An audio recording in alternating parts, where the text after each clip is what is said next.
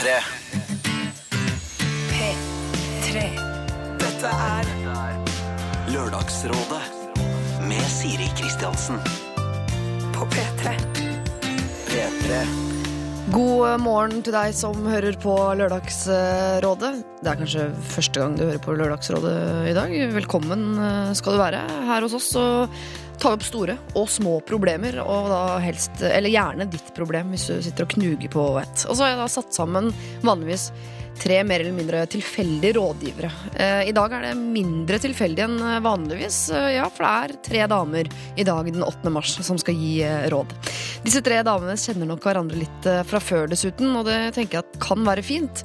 Da slipper de å være nervøse for eh, hverandre og kan 100 liksom tenke på deg og ditt eh, problem. Er det noe du er nervøs for, eller noe vi kan hjelpe deg med, så sender du det inn til oss på mail eller alfakrøll.nrk.no. Og jeg vet allerede om en eh, nervøs fyr som vi skal eh, hjelpe. Han er redd for et første møte, han, og det er vanlig.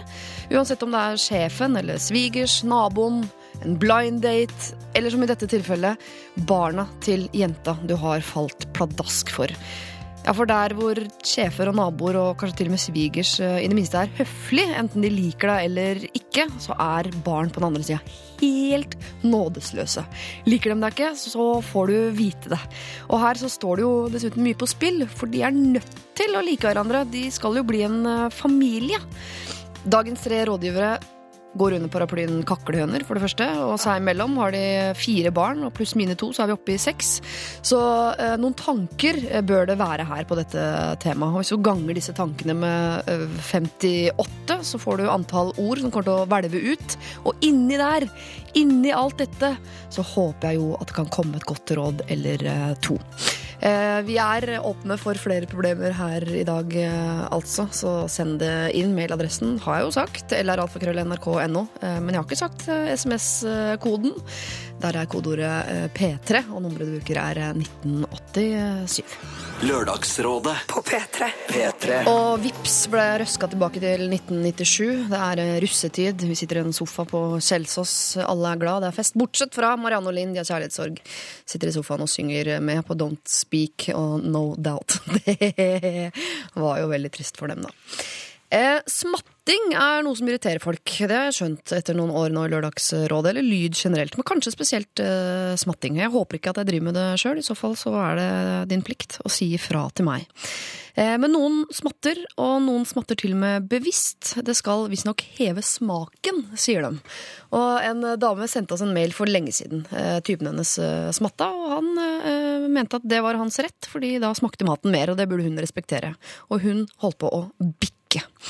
Eh, Dag eh, Sørås var her som rådgiver. Han smatter ikke, ifølge seg selv. Synnøve Skarbø var også her, hun smatter heller ikke.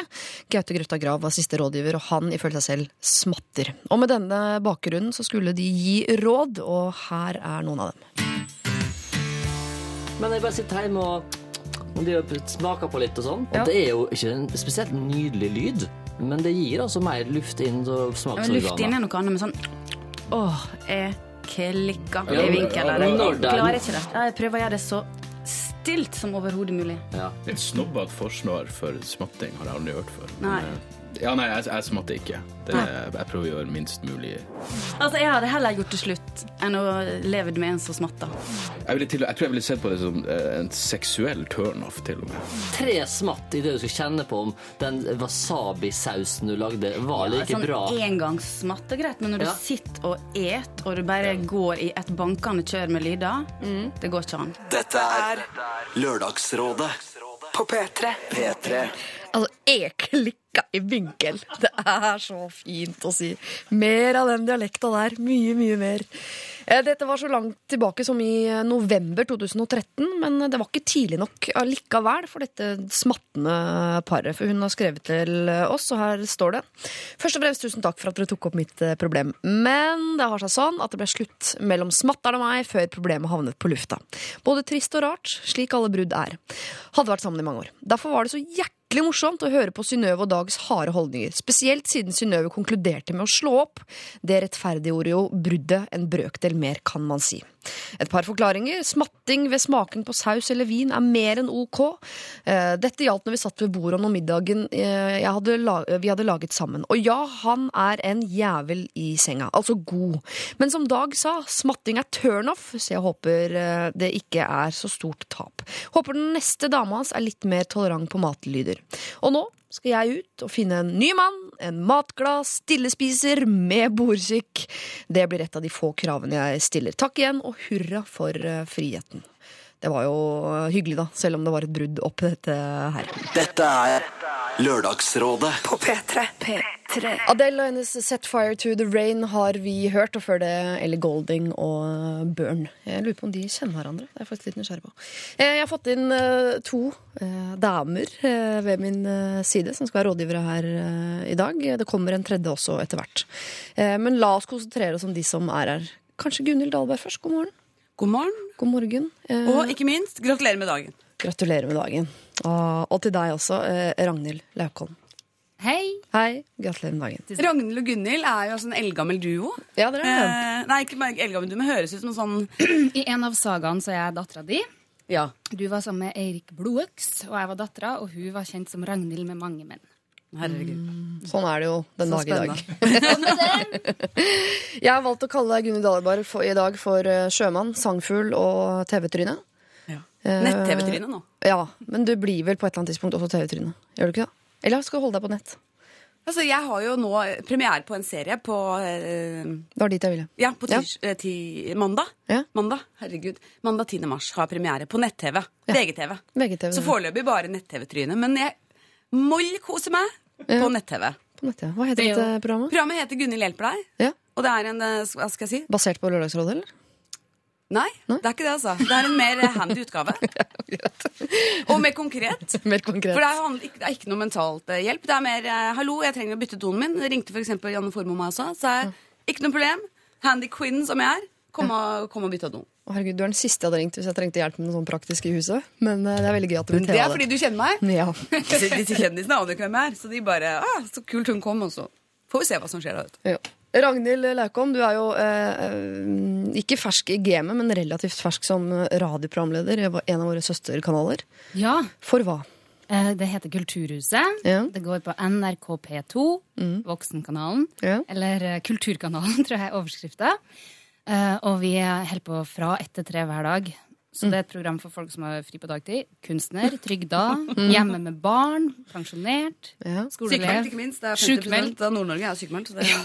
Um, eventuelt en podkast, selvfølgelig, som du kan gjøre når du vil.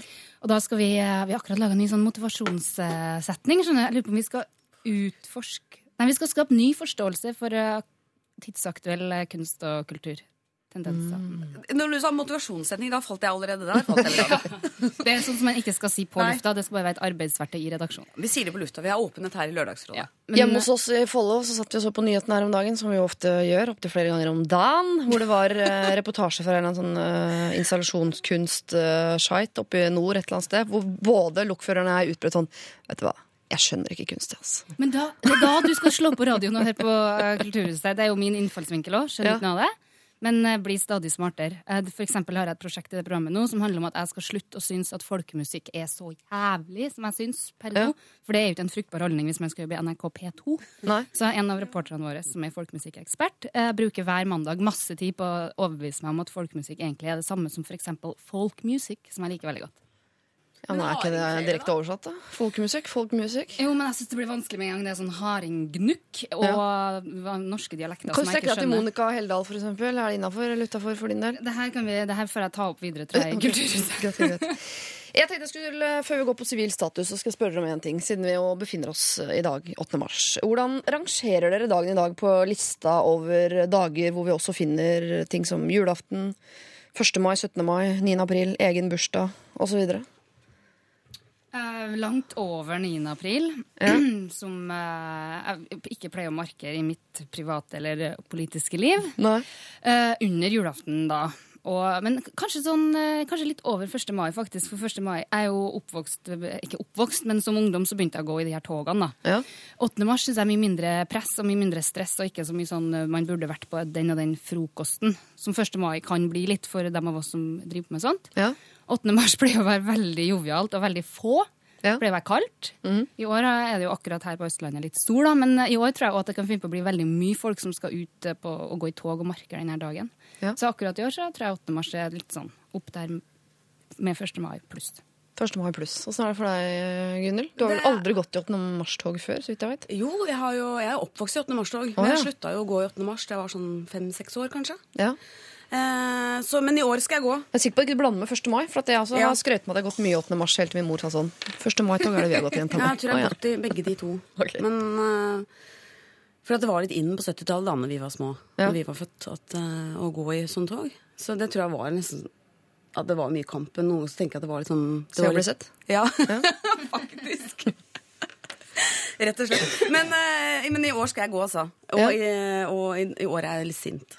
Å ja. Og Vanligvis så pleier jeg å markere dagen. Eh, men ikke med å gå i tog, for jeg syns det er sånn, noe med sånn, er kleint å gå og rope sammen. Jeg orker det eh, Det er en myte at det er så mye roping i disse togene. Det kan jeg avkrefte. Gått mye 8. mars-tog, pleier veldig lite Ja, roping. men Det er det jeg ser på nyhetene. Det er det Dagsrevyen fokuserer på. Folk som står som Men det som er at neve. nyhetene ofte er vinkla, sånn at det er ikke hele virkeligheten som fortelles i Dagsrevyen. Ja, det stemmer. Men eh, det går an å bruke dagen med å spre budskapet, for eksempel. Eh, Så, men 8. mars har jeg kanskje, jeg må innrømme, under min egen bursdag. eh, Som er 6. april. Den er jo, det er jo et smykke for meg. Ja. Og så er det jo 8. mars er på andreplass, vil jeg si. Før julaften, altså. Før julaften. Jeg blir litt sånn høytids, uh, høytidsstemt. Det er nesten som på gråten. Jeg virkelig tar innom meg kvinneproblematikken. Ja. Uh, og 1. mars er langt eh, 1. mai er langt ned på lista. Jeg klarte ikke å si det engang. Det er liksom det er bare en fridag for meg, rett og slett. En av røddagene i mai. Jeg savner Ja, grodagen. Jeg savner grodagen. Som vi hadde i gamle dager. Men det er ikke sånn at jeg, får- jeg har ikke bakt masse kaker, jeg har ikke grodd ut hår, jeg har ikke brent masse bh-er. Jeg Det jeg bare tenker, det er liksom det er bare, og nå i år har du bygget seg opp med det masochistiske OL og fansistiske IOC. Så nå har jeg liksom bare hatt liksom, mange uker til å irritere meg. Nå skal det kulminere i dag, 8. mars. Og skal jeg ut og skrike mense! Har ikke mensen, da, men jeg må jo bare Det skal vi ordne i løpet av de neste to og en halv timene. Eh, Fra det over på sivil status. Det er jo eh, greit å ta med seg eh, inn i rådgivningen i dag hvilken plattform man står på. Åssen er det med deg der, Gunhild? Samme som før? Ja, samme som før. Jeg er sammen med Christian. Og hvis han hører på nå, som han jo burde gjøre, så må han bare komme og bli med i det 8. mars-toget. Ja. Altså, jeg har spurt han skal du være med i år. Nei. Nei. Bare, Er du helt dust? Det er så viktig å gå i 8. mars-toget i år. Så etter sendingen nå, hvis ikke jeg, han sier ja, skal jeg ned øh, hjem. Hale han ut etter tissen. Ja. Etter Dra han med. Ja. Dere har vært sammen i ca. fire år, eller noe sånt? Ja. Deler leilighet og et eh, felles barn. Ja. Ja. Og jeg er kaptein om bord i den båten vi har. Ikke sant? Det er min båtplass. Ja. Åssen er det med deg, Ragnhild? Jeg har eh, leilighet, to barn, kjæreste som er far til de barna. Ja. Burde jeg få med han det var, Vi har bare tenkt sånn, Skal jeg ha med ungene eller ikke i 8. mars-toget? Men uh, selvfølgelig, han burde jo bli med. Det her, jeg skal gjøre det samme. Kanskje ikke ha det etter tissen. Men jeg skal Hvorfor få med ikke? Det er jo det mest effektive. Jo, men jeg tenker at det kanskje er like greit å bare bruke munnen og spørre. Ja, det kanskje ikke. han kan svare. Bruker munnen til å hale han ut etter tissen. Det er kjempeeffektivt på en dag som dette. Da tror jeg vi er i tog, hele familien. Det blir mye menn i 8. mars-toget i år, hvis flere bruker den teknikken der. Oi, oi, oi. Jeg står over. Jeg tror ikke vi går i tog på bygda. Jeg er usikker. jeg Har ikke sjekka. Eh, vi mangler Sigrid Bonde Tusvik, eh, komiker, kroniker og diva. Hun kommer ikke før klokken eh, ti. God morgen. Jeg vet du hører på oss i bil. Kjør fort, eh, men ikke for eh, fort. P3 Lørdagsrådet. på P3. 95 hørte vi der, altså. Abida sammen med Robin eh, bak den eh, låta der. Og jeg har jo sagt at vi skal eh, ta litt problematikk her i Lørdagsrådet. Det er jo det vi driver med. Og vi starter ut med et problem fra en gutt her i dag. Foreløpig rådgivere er Ragnhild Laukholm og Gunhild Dahlberg. Hallo. Jeg er en gutt i 30-åra som har blitt kjæreste med en jente som er fire år eldre enn meg, og som har to barn. Jeg har tenkt at det må man nesten regne med når man treffer noen såpass sent. Så problemet er altså ikke at hun har barn. Problemet er heller at jeg er fryktelig nervøs for å treffe disse barna, som er åtte og eh, ti år gamle. For hvordan skal man egentlig gå fram? Avisen er stappfull av gode råd, at man skal treffes første gang ute til felles aktivitet, f.eks. på en lekeplass eller lignende. Men med såpass store barn er jeg mest redd for at ikke de vil like meg. Jeg syns at jeg er teit eller lignende, så problemet ligger vel mer der. Hva gjør jeg? Hva skjer hvis første møte blir preget av min nervøsitet og dermed går dårlig? Jeg vil til slutt påpeke at det er ingen hast for noen av oss og at jeg blir introdusert, men jeg vet at dette kommer til å skje en gang, og må innrømme at tanken gjør meg nervøs. Hilsen nervøs optimist. Ordet nervøs blir repetert i denne mailen, folkens. Han er nervøs. Eh, Kan vi hjelpe han til å bli mindre nervøs i dette første møtet med disse to ganske store barna? Ja. Ja. Altså Vanligvis når man er nervøs for å møte folk, så vil jeg tipse om å ta en liten drink. Ja. Men det kan jo bli litt dumt i denne situasjonen når eh, onkel, mm. en onkel gutt på, i 30-åra eh, skal introduseres. Så er det jo litt dumt hvis han har en spritånde. Ja. Eh, og det merker jo barn veldig fort. Nå tenker jeg bare høyt. ja. Det er fint. Eh, ja. Men hva gjør han? Ja, Utsett det gjerne et halvt år til, ville jeg sagt. Ja. Hvis de eh, allikevel må Så kanskje han eh, Da vil tanken modnes. Og det møtet vil modnes. Han må ikke møte de neste helg.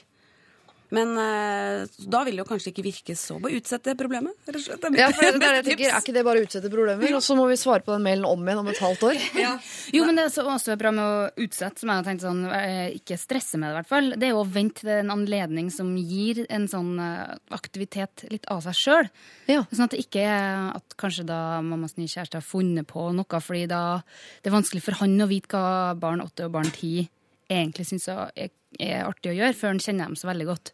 Men så dukker det jo opp ting, og så kanskje det en eh, Det blir vår, kanskje spiller en fotball, og så er det en cup, og så kan man bli med.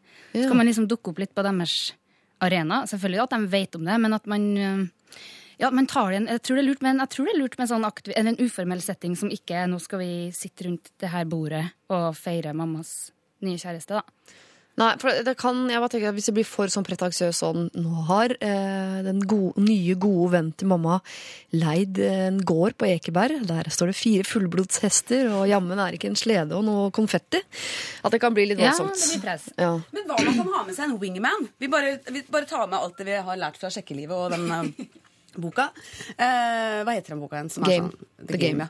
Da, game. da må man jo ha med en wingman. Ja. Eh, og en som skal hjelpe deg eh, gjennom situasjonen. Så Er da- ikke det da- kjæresten i dette tilfellet? Det er kjæresten, og så har vi vår eh, nervøse innsender eh, som kommer til å bli en steppappa, og en wingman. Jaha. Og da kan wingman være litt sånn dust. Og da vil jo på en måte vår eh, venn her på 30 fremstå i et veldig godt lys helt automatisk. For du, når du introduserte Wingman, nå, så tenkte jeg om det kanskje var Wingchild. Om eh, du tenker at han skulle ha med seg et annet barn. Da tenkte jeg på den gutter, gutter-filmen med Hugh Grant og han ungen med det uttrykksfulle ansiktet. Men da, eh, det var jo at han lånte seg et barn for å sjekke single mødre, og her er jo sjekkinga. Det er en boks. Og det virker som det, Han er ikke nervøs for det forholdet til mora. Hun er ikke noe stressa på at de skal møtes, eller? Nei, eh, men det er ingen som har noe dårlig tid. Nei, ikke sant? Nei da. Så ta. Men for at det- de Kan man låne med wingman og eventuelt wingchild? Det man får tak i. Skal man ha med en tredje eller fjerde person i tillegg til den konstellasjonen vi har, med mor og de to barna, også han? Mm. Låne med seg et par til. Gjerne at de oppfører seg kanskje litt sånn ikke skummelt, altså barna får noen traumer, men kanskje de kan være litt sånn rare. Og da kan de bonde masse på det her i etterkant. Da har de opplevd noe sykt sammen som gjør at de for alltid Altså, vil han knytte sammen. bygge forholdet til sine potensielt framtidige stebarn med baksnakking av en. Hvorfor ikke? Ja. Felles fienderom er alltid lurt. Ja. Jeg ser noen fallgruver her, selvfølgelig. Og det er jo eh, at disse barna er såpass smarte at de tenker hvem er han fjotten her som har dratt med seg en enda større fjott og to fjottete unger i tillegg? Hva er greia? Ja, kan ikke bare være normal? Smart. Eller at de er eh, rare, de to barna. Det vet vi jo ikke. At de liker idioter bedre enn bra folk. For dette innsender går vi bare ut fra at det er en bra fyr. Men at de liker the bad guy. Så denne wingmanen som har som oppgave å være drittsekk, tenker de sånn Han var kul. Mamma forblir ikke sammen med han. Og så kanskje mamma også tenker det. Ja. Men det er jo noen tror jeg, ting som er, det har sikkert innsenderen vår tenkt på, da, siden vi går ut fra at han er en oppegående og hyggelig fyr. Men det er jo noen klassiske ting tror jeg, som, at, som det gjelder å, å, å ikke gå inn og skal være en eh, pappa. ikke sant? Kanskje her ungene har en pappa som de er mer enn nok fornøyd med, som de bor til deler eller halvparten av tida. Så ja, De er jo store nok til at man kan være helt ærlig om at han ikke bare er en kollega av mamma fra jobben. At han er, kjære, at han er ordentlig kjæreste, men at han kanskje ikke går inn og har så masse autoritet over dem med en gang. i hvert fall. Når man er åtte og ti, så trenger man vel ikke en ny pappa. antagelig. Det er jeg føler at da, det er for vet jo seint. ikke noe om den andre familien. Men barn lar seg jo veldig lett bestikke, da. Så det er jo bare å pøse på med å ha med masse godteri. Ja. Fortelle skrøner fra De syv hav. Eh, dra på Tusenfryd. Bruke masse penger på barna. Kjøper seg inn i hjertet deres med en gang. Det er så lett å lure at det, dette er ikke noe problem. Det er, det er jeg uenig i. fordi det kan, det der kan jo sette forholdet sitt til mora til ungene i fare. da. For det er jo, jeg vet at det er sånn et, Det er lov for besteforeldre og andre omsorgspersoner, ikke foreldrene, til å drite i alle regler og kjøpe det godteriet og alt det der. Men det er veldig irriterende for den eh, primære forelderen. For da må hun drive og være streng, og så blir kjæresten ja. Så jeg ville ha vært litt forsiktig med den bestikkelsestaktikken. da. Jeg ville ha vært på nett med mora til ungene på hva de fikk lov til og ikke. Men er ikke, apropos mora, som vi jo litt glemmer oppi dette her, er ikke dette først og fremst hennes ansvar eh, å sørge for at dette møtet blir hyggelig for alle? Når man, vi sier nå, Han kjenner jo ikke de og vet ikke hva han skal finne på sånn. Jeg tenker sånn, Er det ikke moren som skal finne på når og hvordan og hvor de skal møtes, og sørge for at det blir så hyggelig som mulig? Det er jo hun som er uh, er hun som er født i. Ja, hun er jo knutepunktet her. Skal vel ikke bare stå passiv på sidelinja og se at de rir og spiser softis sammen? Hun er veldig, veldig kynisk. eh, eh, hvis vi, i tilfelle han legger opp til et møtepunkt som hun vet at sine barn bare Å ja, han vil at vi skal gå på kino. Gud, de hater jo kino. Så Ja. jeg tenker at det er lurt hvis eh, hun får si hva, hva felles plattform er. Ja. Hvis ikke er det veldig kynisk av hun. ja. Ja, men det er ikke sånn at mødre alltid vet best heller. Jeg har jo en mor selv. Jeg har jo, har jo fått sånne rare gaver og rare kommentarer. Og For eksempel venninna mi da, hun fikk jo av mora si til jul i år en uh, kaninpelsponcho. Ja.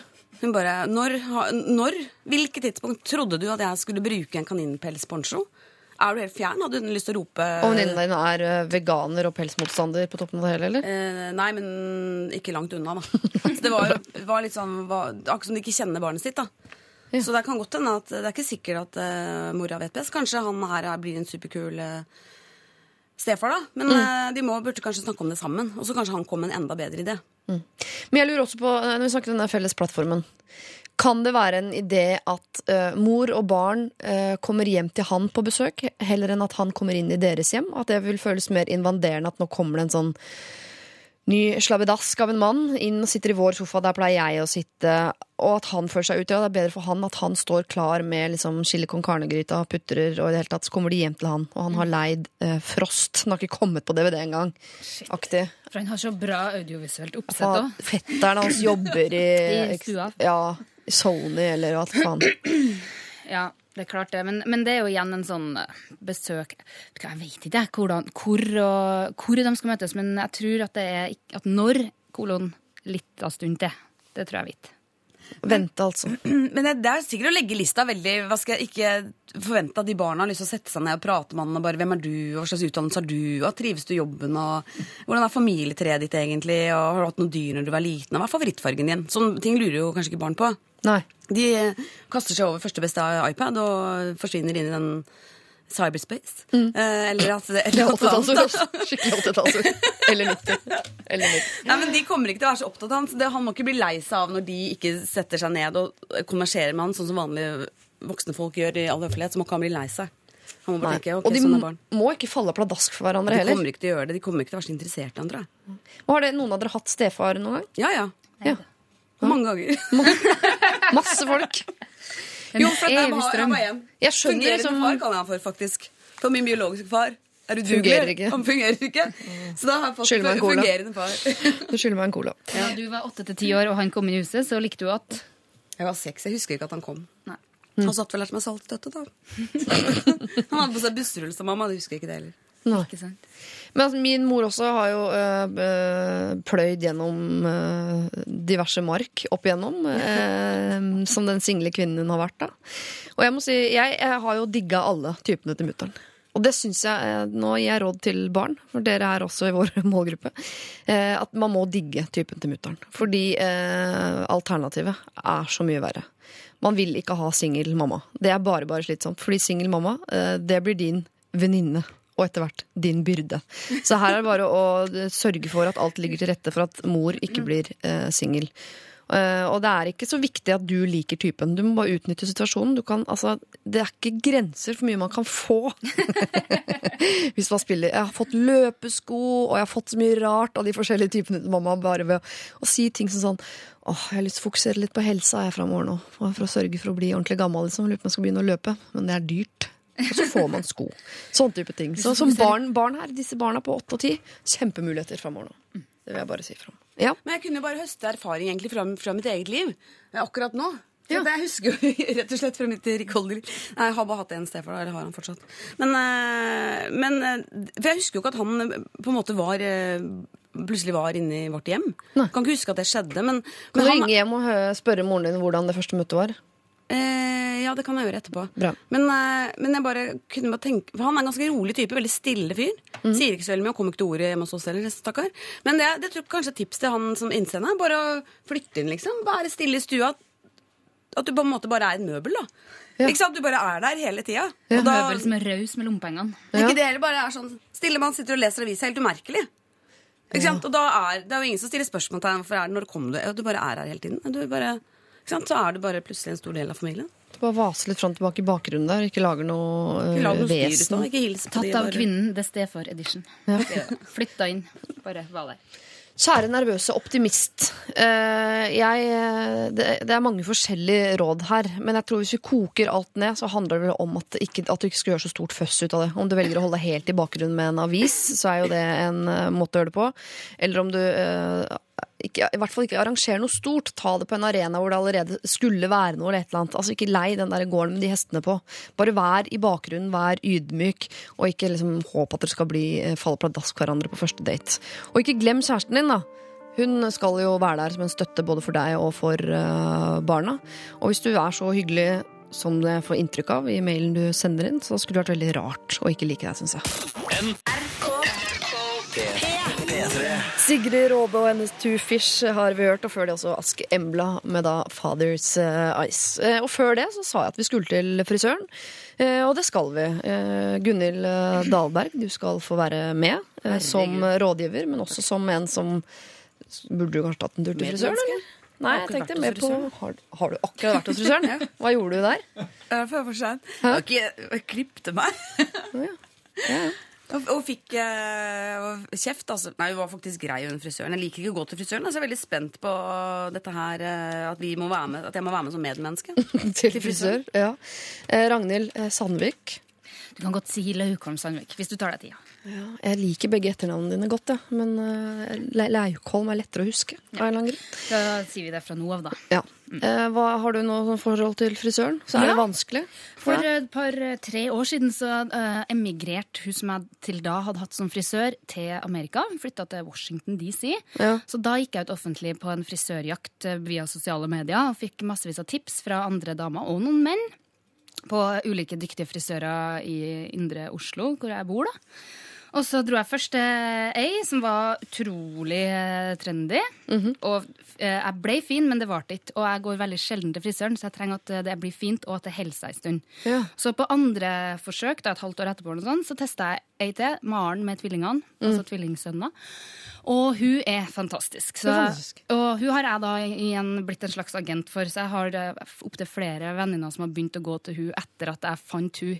Ja. Eh, Og jeg har, fått mye, jeg har blitt en sånn person som folk sender en melding til på Facebook. Hadde ikke du eh, litt oversikt over frisørene? så det her Det er jo eh, godt å ha deg med inn i dette problemet. Eh, Jeg skal eh, lese mailen. Her står det. Jeg har et problem som utrolig nok handler om min faste, superflinke frisør. Frisøren min, la oss kalle henne Mari, er en tidligere venninne av en av mine gode venninner. Og jeg skriver tidligere, for de har nå krangla og er ikke på talefot. Problemet er at sist jeg var regissøren, begynte hun å baksnakke min gode venninne, noe som selvfølgelig var veldig ubehagelig for meg. Samtidig var det så subtilt at det var vanskelig å ta henne på det. Og nå har den tid kommet at tuppene mine atter en gang har begynt å flise seg til. Og er det én jeg vet klarer å håndtere dette bustete håret mitt, ja, så er det Mari. Forteller jeg dette til venninnen min, vet jeg at hun syns det er illojalt. Og jeg vil jo heller ikke sitte i frisørstolen og høre kjipe ting om min venninne. Samtidig tror jeg at alle jenter der ute vet hvor viktig det er med en flink frisør som leser håret ditt som en åpen bok, og det gjør jo Mari. Hun er også mye billigere enn andre frisører i Oslo. Så spørsmålet mitt er, må jeg dumpe en flink og billig frisør som jeg egentlig har lyst til å dra til? Hva om du eh, ikke på Hvis vi skal utstyre unna den derre si rett ut, som jo eh, selvfølgelig er en mulighet, men eh, kanskje litt eh, kleint. Hva hvis du veldig tidlig i det For jeg syns jo at du ikke skal droppe av Hvis det her fortsetter, så må du kanskje droppe Mari frisør.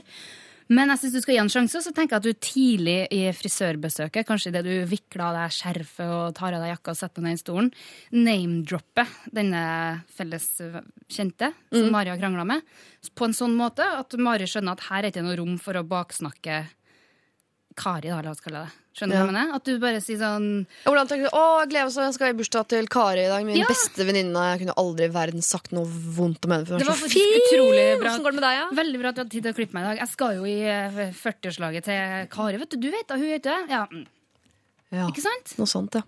Så er det liksom ut der. Men blir det kleint allikevel, for da tenker Mari er jo ikke dum som et brød, hun heller, antagelig. Eh, selv om hun er frisør. Det var Eh, ikke pent sagt, Siri. Nei, nei, men det er min oppgave å si høyt. Eh, så kan hun tenke at det sier du nå, fordi forrige gang jeg var her, så prøvde jeg å baksnakke Kari. Ja, det vet jeg like godt som deg. Det er jo det som er sannheten. Ja. Og eh, Da kan det bli kleint i neste liksom, to, to tre, fire, opptil fire timer. kan det ta. Hva tenker du, Gunhild? Jeg tenker at eh, her kan vår innsender slå to fluer i en smekk. Hun kan få stussa tuppene sine hos uh, Mari. eh, samtidig som eh, Og da Mari gjør den en tjeneste for henne, og antageligvis vil eh, begynne å baksnakke venninna, så kan hun bare ta imot all den baksnakkinga og på en måte terapeutisere eller liksom ha en slags terapitime. da. Så få på Mari, Mari vært hos uh, en slags hobbypsykolog samtidig. for sant? Mari, Mari er frisøren, sant? Maria frisøren, mm. og hun kommer til å baksnakke venninna. Hun med de slitte tuppene eh, blir kvitt slitte tupper, men fungerer samtidig som psykolog for Mari. Fordi Mari begynner nå å baksnakke venninna. Hang, hang dette sammen? Skjønte dere det? det krever jo at hun som sitter i frisørstolen stiller gode oppfølgingsspørsmål til baksnakkinga til Mari, sånn at hun kanskje tenker seg med en gang til å slutte med den, eller? Ja, enten det, eller kan hun være megler. Hun kan jo f.eks. si, vet du hva, etter hvert da, når hun vi Hun er eh, frisøren, hun må bare få tømt seg, liksom. Og da sier hun eh, i frisørstolen, hun sier, vet du hva, jeg snakka med henne, hun er dritlei seg. Hun Hvis- angrer. Hvis det ikke er sant, da. Finne på det. Ja, men Si- kan, ja, det men- kan jo hende at venninnen Ja, er glad for å bli kvitt denne frisørvenninna si. Og så skal men- vi nå da innsender øh, dra henne i land igjen. Det er jo slemt. Ja. For hun er jo det hun er nervøs for, er sin illojalitet overfor sin gode venninne. Hun høres jo, det må jeg jo også si her, at hun er gode venninna Mm. Hun høres jo kanskje også litt streng ut. Som eh, eh, Hvis det er sånn at frisør eh, slitte Tuppa, frøken slitte Tuppa her, Mm. er nervøs for å gå til frisørdama fordi venninna kan arrestere, så tenker jeg at det, det er litt streng venninne. For hun gjør jo ikke noe galt, da. Hun sitter der jo og, og kanskje, kanskje må ha, liksom, være såpass tøff at hvis det kommer ei bøtte med dritt, Mhm. så må hun si sånn Du, vet du hva, det her vil ikke jeg høre på, eller der tror jeg du tar feil, eller tilkjennegi at Nei, sånn oppfatter ikke jeg vedkommende. Altså Ja, men, for- men det å liksom i utgangspunktet bestille seg en klippetime, tenker jeg, det er litt strengt at det skal være illojalitet til vennskapet. Men jeg hadde Ja. ikke turt å sagt imot frisøren på sånne ting. og sagt Fordi hun har sånn- saks. Ja. Ja. Du er jo i en sånn eh, Hun har jo, hun kan jo gjøre hva som helst med deg. Du har på en måte lagt livet ditt og skjønnheten din i eh, For liv og skjønnhet er ofte det samme. Nei, men hun har Det saks. Hun kan flekke opp håret ditt, men hun kan også stikke saksa ganske sånn hardt og brutalt inn i milt eller lever. Herregud, hvordan frisere er det dere har gått det? Nei, men Man vet jo ikke, da. Når man, eh, det er jo sånn kjente scenen, Så er det ikke sånn filmscenen fra mafia... Edvard eh, Saxon, tenker du? Nei, fra ma mafiafilm, tenkte jeg på. Når menn går og barberer seg, så sitter de der og, og snakker om noen, og så plutselig får de bare halsen eh, kutta over, da. Det har skjedd. Det har skjedd. Så det er det jeg tenker, at du må være redd for Mari Saksehånd. Eh, men hvis du sier at venninna mi er dritlei seg, så kanskje du får Mari til å ringe og si unnskyld. Ja. Så du Det jeg tenker her er mulighet til også å være brobygger. Ja, det var det jeg tenkte. Ja, for Jeg har også sett for meg scenarioer som man kan si hvis baksnakkinga begynner. nå. Jeg mener, altså, Gå dit, da. Det kan jo være hun er ferdig. Det er begrenset hvor Men det er også sånn det er begrensa hva man har å snakke om, så ofte at man snakker om det man snakket om sist. Så det Mm, kan fort dukke opp igjen. Og da kan man enten stoppe opp ganske brått ved å si sånn Du vet at alt du sier til meg, kommer jeg til å si videre til min venninne. Det det er veldig, det er veldig brutalt, da. ja, det er brutalt, men da får du, da får du stoppa fossen, på en måte. Eh, Eller å være grei sånn Jeg blir litt trist av å høre på dette her, for dere var jo så gode venninner. Hva skjedde egentlig? Og ikke legge noe opp at min venninne er lei seg, men spørre frisøren hvor, hva gikk galt, egentlig.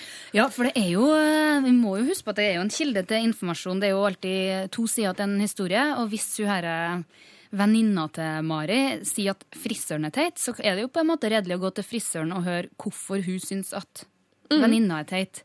Og det kan jo hun Mari med rak rygg Nei, altså ikke ikke Mari, det er jo frisøren. Jeg blir så for, det, er så, det er for lite navn her, forresten. Altså, Ja. jeg trenger Det er egentlig- frisøren, venninna og øh, frøken Slitte hårtupper. ja, og frisøren er Mari. Ja.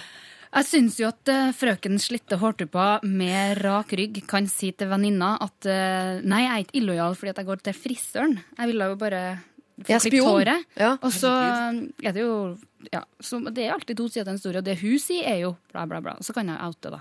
Og være liksom redd. Åh, nå ser jeg for meg en frisørsalong som heter Adam og Eva Jolie. Det så fint. At du kan gå inn der som en sånn nydelig liten spion på vegne av sin venninne. Du, dette her er muligens et stort problem, men nå skal jeg være litt partypuper her på kvinnedagen. At dette her er et veldig lite problem hvis man tenker på Man skal tenke bare ja, det er veldig bra- at ikke jeg blir gifta bort som femåring eh, og eh, er barnebrud. Det Ja, kan men vet du tenke. hva? Det kan du si om nesten alle Ja, men ting. i, vi kan si det i denne sammenhengen her, for det her det er ikke et stort problem, liksom. Men kan vi heller ta en runde på hvor vanskelig det hvor, altså, hvor vanskelig kan det være å klippe slitte hårtupper? Altså, det fins tre milliarder frisører der ute. Og da sier vet du hva, det er bare Mari, Mari leser mitt hår som hun må på. Det er bare hun som klarer å klippe av tuppene på håret mitt. Sånn, hvis du kommer ut av frisørskolen og ikke kan klippe slitte uh, hårtupper, ja, vet du hva, da må Da du har du sovet i timen. ja, da må du finne på noe annet. Men jeg syns man overvurderer profesjonen hvis du sier at det er bare én som skjønner mine eh, slitte hårtupper. Men det er jo fordi frisørering, frisøring, Ja. handler jo ikke bare om å klippe de tuppene. Det handler jo veldig mye om det verbale, psykososiale. Ja. Så jeg tror at hun inni seg har lyst til at vi skal si du kan fortsette å gå til denne frisøren, fordi hun syns det er litt spennende at venninna blir baksnakka. Ja. Og, og at uh, det er noe med det her tillitsforholdet som bygges opp etter en del klipp, som gjør at du, du føler at du har funnet din kvinne. Det er litt sånn uh, my therapist. Ja. Det tror jeg. Og så er det jo billig. Det var et av argumentene her. Hun er billigere enn Ja, og andre det er gud hjelpe meg ikke helt vanlig. Det er mange billige herrefrisørsjangler i Bjerregårds gate hvor jeg bor. Jeg bare komme. Ja. Men er det lov også, for dette er et triks jeg bruker når ikke jeg vil snakke med folk, så skal jeg avsløre. Jeg later som jeg må jobbe. Altså, da har jeg med meg uh, øretelefoner og sier vet du hva, jeg skal evaluere et annet radioprogram, eh, så jeg må høre på det nå. Så da, Jeg elsker å snakke med deg, men akkurat nå så må jeg jobbe. Så hun kan bare uh, rett og slett ha på podkast hos frisøren. Er det frekt? Lørdagsrådet, for eksempel, eller? Nei, jeg vil ikke anbefale det. Så kan du stoppe munnen til hun der eh, frisøren, og når hun begynner å baksnakke, så kan hun si vet du hva, jeg har ikke tid til å ta dette her innover meg, for jeg har fått kreft. Og da er har du sånn en helt annen eh, da, da sier jo ikke hun noe mer enn det. Så parkert Og den da blir jo samtalen. frisørproblemet på et tidspunkt borte, kanskje. Ja. Ja. Du vet hva, Her er det så mange løsninger. Altså. Eh, først og fremst vil jeg bare gjenta spørsmålet Er det virkelig bare hun som kan eh, klippe hårtuppene dine. Og er venninnen din sånn som blir sur hvis du klipper hårtuppene dine hos en som hun ikke er venninne med lenger? Ta en runde på det før du bestemmer deg. Og så får du velge sjøl den deilige blomsterbuketten av råd du fikk. eh, Om du skal skryte på deg kreft, eller om du skal eh, si nok for å være nok, eller om du skal forene og være bro, eller hva du vil.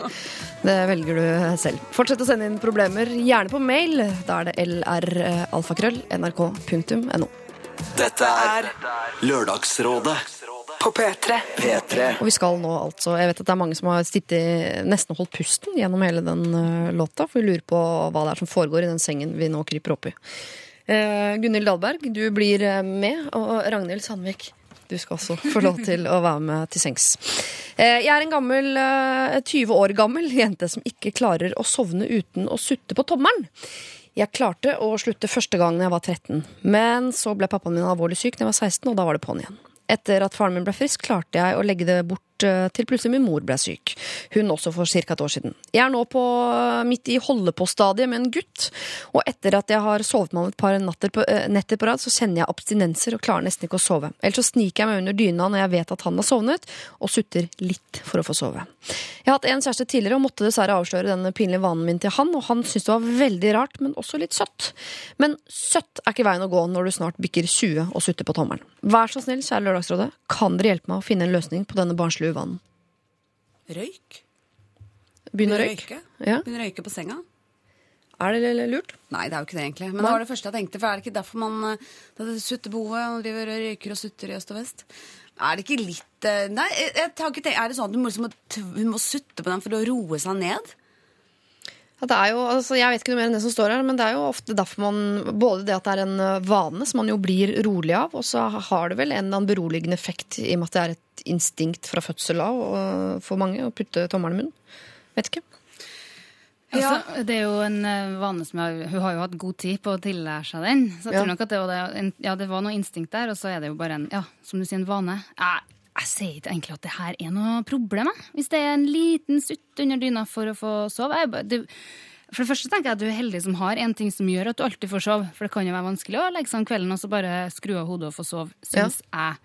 Um, og så tror jeg òg at uh, hun heller ikke skal være stressa over at det er noe galt med meg, og nå kommer det til å gå vekk. Fordi nettopp det at hun er bevisst det og sender denne e-posten til oss, og uh, kanskje kjenner på at hun Hun har jo åpenbart sovet sammen med han gutten uten å ligge og patte på tommelen sin, da. Tror Ikke si patte, det er helt er- Sutte, da! Ja. Men uh, så betyr det at det fins det finnes en ende på det. Og hvis det, ikke sant, så var det knytta til at har jo slutta, og så skjedde triste ting med faren. Da var det vel eh, en måte å deale med det på, da. Ja. Så når, når ting er mer ferdigtygd, og hun blir voksen nå, og tenker at det her skal jeg klare å slutte med, så klarer hun det. Altså det, det som Gunhild foreslår som et substitutt, da, røyking, Ja. det jo klarer jo folk å slutte med, enda det er jo eh, kanskje enda mer avhengighetsskapende med å sutte på røyk enn tommel, fordi røyken får du også masse stimuli av Ja. inn i kroppen som forteller at du skal fortsette med det. Så jeg ville ikke vært så bekymra. Men også i tanker... Kan man sånn teipe hånda? Kan man teipe en gaffa? Spikre eller sove med håndjern, da? Kan man gjøre sånne ting for å bare tvinge seg selv til å sove med armene i været? Det er litt tungt, da, men tvinge hendene så man, ikke, så man ikke kan gjøre det. Det tror jeg jeg ville gjort hvis jeg hadde sutta på tommelen. Ja, men da sånn må der- man jo allikevel fortelle dem man deler seng med at uh, For du kan ikke si sånn Jeg får ikke sove jeg, med mindre jeg ligger i håndjern. Da må på en måte allikevel fortelle noe på den sånn Nå legger jeg meg håndjern for å ikke gjøre den andre uvanen Du er en eh, veldig diskré påminner til seg sjøl som gjør at du ikke like lett eh, sånn, nærmest ubevisst putter tommelen i munnen. Ja, ta på sånn blank neglelakk som smaker dritt. Som man kan bruke Godnegl? Godnegl. Ja. Det brukte jeg da jeg var liten for å slutte å bite negler. Ja. Uh, ja, ish. Det hjalp ish. Men du, blir i hvert fall, du, du klarer ikke da å bare la tommelen gli inn i munnen uten at du på en måte merker det og kan bevisst ta den ut igjen. Og det er jo ikke noen som deler den senga med, som kommer til å merke det for blank neglelakk. Kan man jo godt ha på dommeren uten at det handler om sutteavvenning. ja, for det er ikke masse lukt på den og sånn. Nei, nei, nei, nei, nei, det bare smaker litt dritt å få i munnen. Ja. Men det er veldig ekkelt å sutte på fingrene. Tenk så skittent det er under neglene og på fingeren, da. Men Jeg eh, jeg tror hun, før hun sutter på den tommelen, har sutta på noen som er langt mer møkkete og vel så tilgjengelig om bord i den senga. Så det er ikke der problemet ligger. Du kan fortsette med det, da. Til sovner. Ja, for det lurer jeg på. Det er hvis du først Jo, men altså Det blir sikkert Hvis hun har et suttebehov, så er det jo veier å gå, altså. ja. Ja. Vi har ting som ligner. Ja. Gulrot, Ja. agurk, ja, banan, ja. Men det kan jo være Men det er noe med filtsokk. Jeg har litt lyst til å bedre stikke til tommelen i munnen nå, for det er noe med at tommelen passer veldig godt opp i ganen. Det er ikke tilfeldig, det. Det er meningen at den skal ligge der innimellom. Tidlig Det i er jo, eh, Som eh, mor til to ganske små barn, så er det jo det med at eh, man må huske på når man starter med den avvenninga, at ja, så blir det et par netter her som er masete. Tre netter tror jeg er liksom det man pleier å si at det tar. Så, men i, si at du gir deg sjøl ei uke, da, så kommer det til å være fælt den første natta, den andre, og den allerede den tredje så vil det være mye lettere, og så er du ferdig.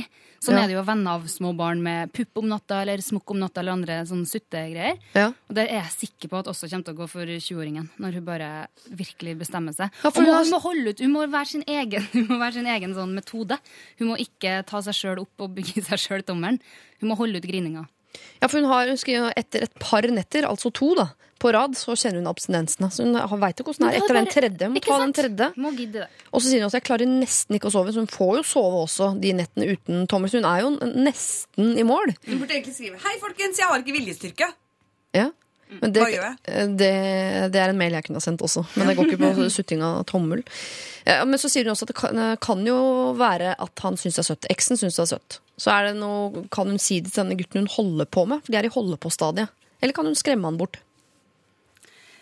Ja, si det. Altså, hvis den gutten hadde vært Gunhild, så ser jeg på ansiktsuttrykket at du hadde blitt skremt bort. Ja, det var det jeg tenkte. Jeg hadde tenkt eh, æsj. Eh, jeg, nå, jeg bare sier det rett ut. Jeg hadde ja. tenkt æsj. Og eh, det, det, her, det her orker jeg ikke.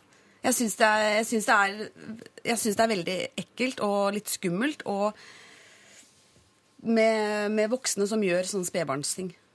Det er nesten som å se et voksent menneske i Finnes jo egne klubber for det, faktisk. Det finnes egne klubber, ja. Nei, men herlighet. Jo, men det gjør det da, virkelig. Ja, for sånne ordentlige Ja, voksne folk som tar på seg bleie og skifter på hverandre og kaller hverandre mamma og pappa, histen og pisten. Og det, det fins miljøer for sånt. Men tidligere her så har vi jo eh, ut ifra e-post eh, konkludert med at innsenderen er en uh, hyggelig og fungerende person. Ja. det tror vi vel egentlig om hun er, da. Men vet du ingenting om han fyren hun holder på med? Nei, ikke sant? Nei, uh, så jeg ville nok heller prøvd å bruke det at du allerede har to netter på baken med litt sånn vanskelig avvenning, til å la det bli starten på å fullføre avvenninga. Så slipper du problemet. Men men syns gutt, er det sånn at hvis hun hadde en ekskjæreste som syntes det var litt søtt, Ja. er det sånn gutter har kanskje større, større, større toleranse på det? For at det er litt sånn søtt, og det er noe sånn yndig, og det er noe sånn Å, lille deg. Jentete og stakkarslig og det og Ja, sånn? noe sånn svakt. Ja, kanskje. Eh, mens jeg syns jo Men jeg syns både på jenter og gutter at når man har passert eh, noen måneder, da, så burde man kanskje ikke sutte på tommelen av substituttet. Kanskje hun skulle få seg en smokk? Ja, det er kjempe... Ja, for det hadde det vært noe bedre.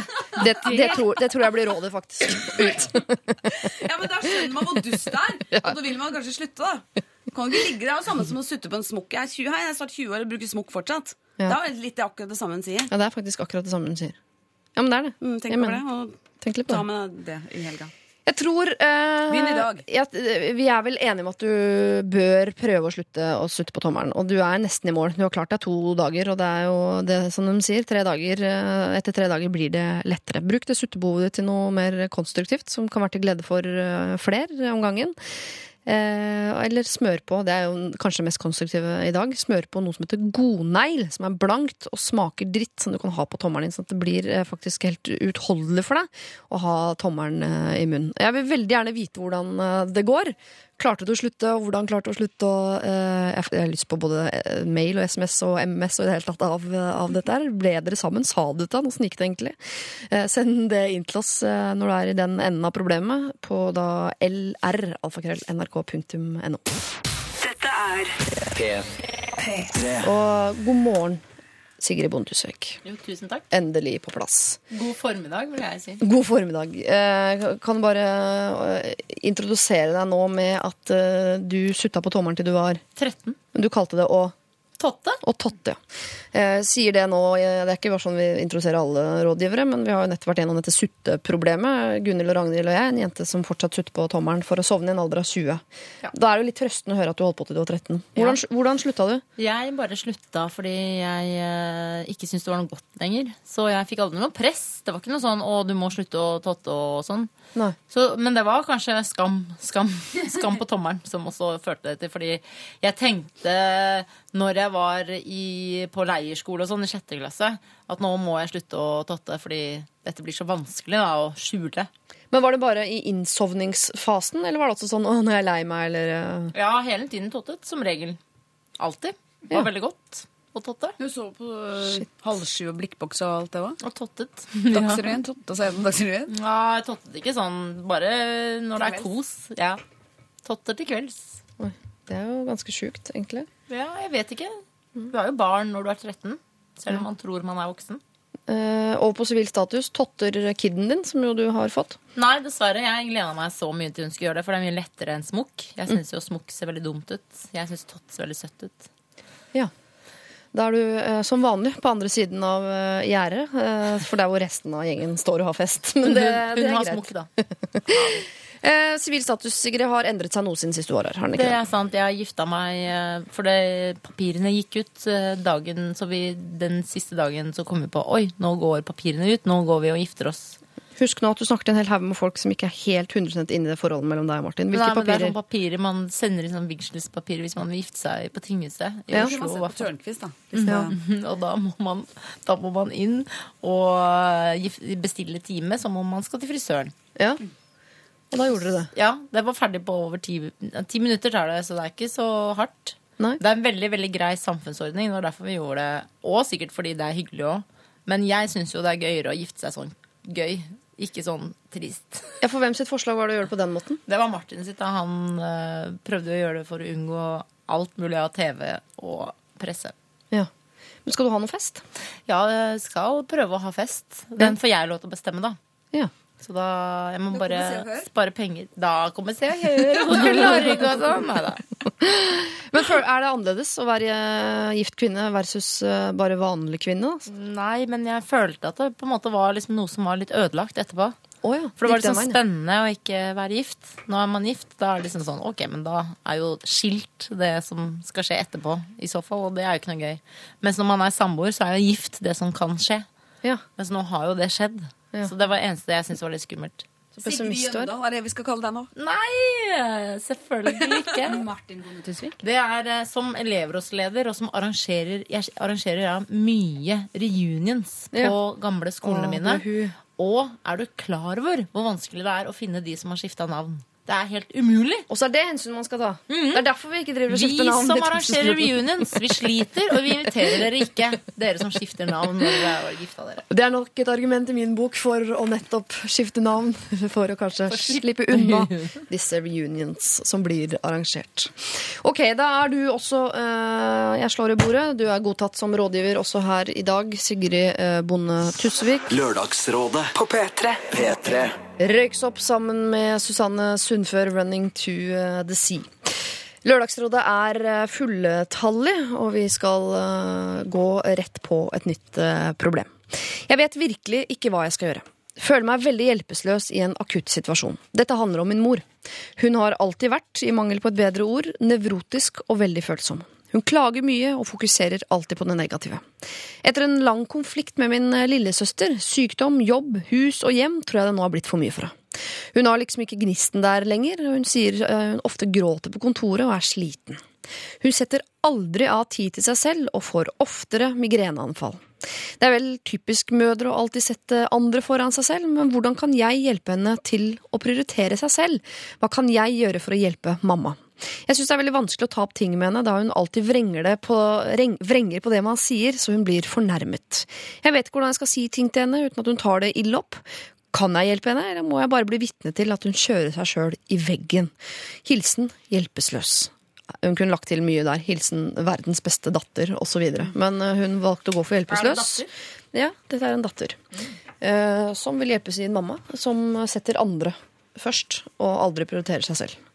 Mora er på randen av sammenbrudd. Ja, Eh, hun må jo bare Jeg tror hun bare må eh, må bare tvinge henne i kne, rett og slett. Hun er jo allerede, Jeg tror ikke det er så vanskelig, faktisk. Hun vil sikkert protestere litt i starten. bare Nei, nei, nei, dette her går helt fint. Men hvis hun bare fortsetter argumentasjonen i fem-ti minutter til, så kommer hun til å sprekke som en klut. Og da er det bare å bygge henne opp eh, derfra. Sykemelding 100 Og du mener å, å hjelpe henne å kjøre en ordentlig i grøfta for at hun Ja, skal men- innse selv at hun har et problem? Ja, men jeg eller? tror mora står på kanten av stupet allerede, hvis det er sånn som innsenderen sier. Sitter og gråter ofte på kontoret. Ja. Eh, og Sliten er og ja. helt utslitt. Hun er en klut. Det eneste som på en måte holder sammen, er liksom huden som liksom Hun er i ferd med å sprekke. Da. Hun bare ser for meg det er bare sånn aspeløv som er bare er på, på vei til å eksplodere og på vei utafor stupet. Så jeg tror, og hvis hun sier at det ikke nytter å snakke med mora si, så tror jeg at kanskje hun gir opp for lett. Ja. At hun bare må presse henne i ti minutter til. Og da vil mora være i knestående allerede. Eller liksom gi- overgi seg. Ok, Så du mener ikke presse henne utfor stupet, men eh, Jo, dytte henne utenfor stupet. dytte henne litt utenfor Og stupet? mens da sikkerhetsnettet er utafor stupet, da, så bare tar imot der. Ja, ja. Må feste strikken på en Ha måte fått time ordentlig hos godt. fastlegen, f.eks. Fått Ja. sykemelding, snakke med arbeidsgiver osv.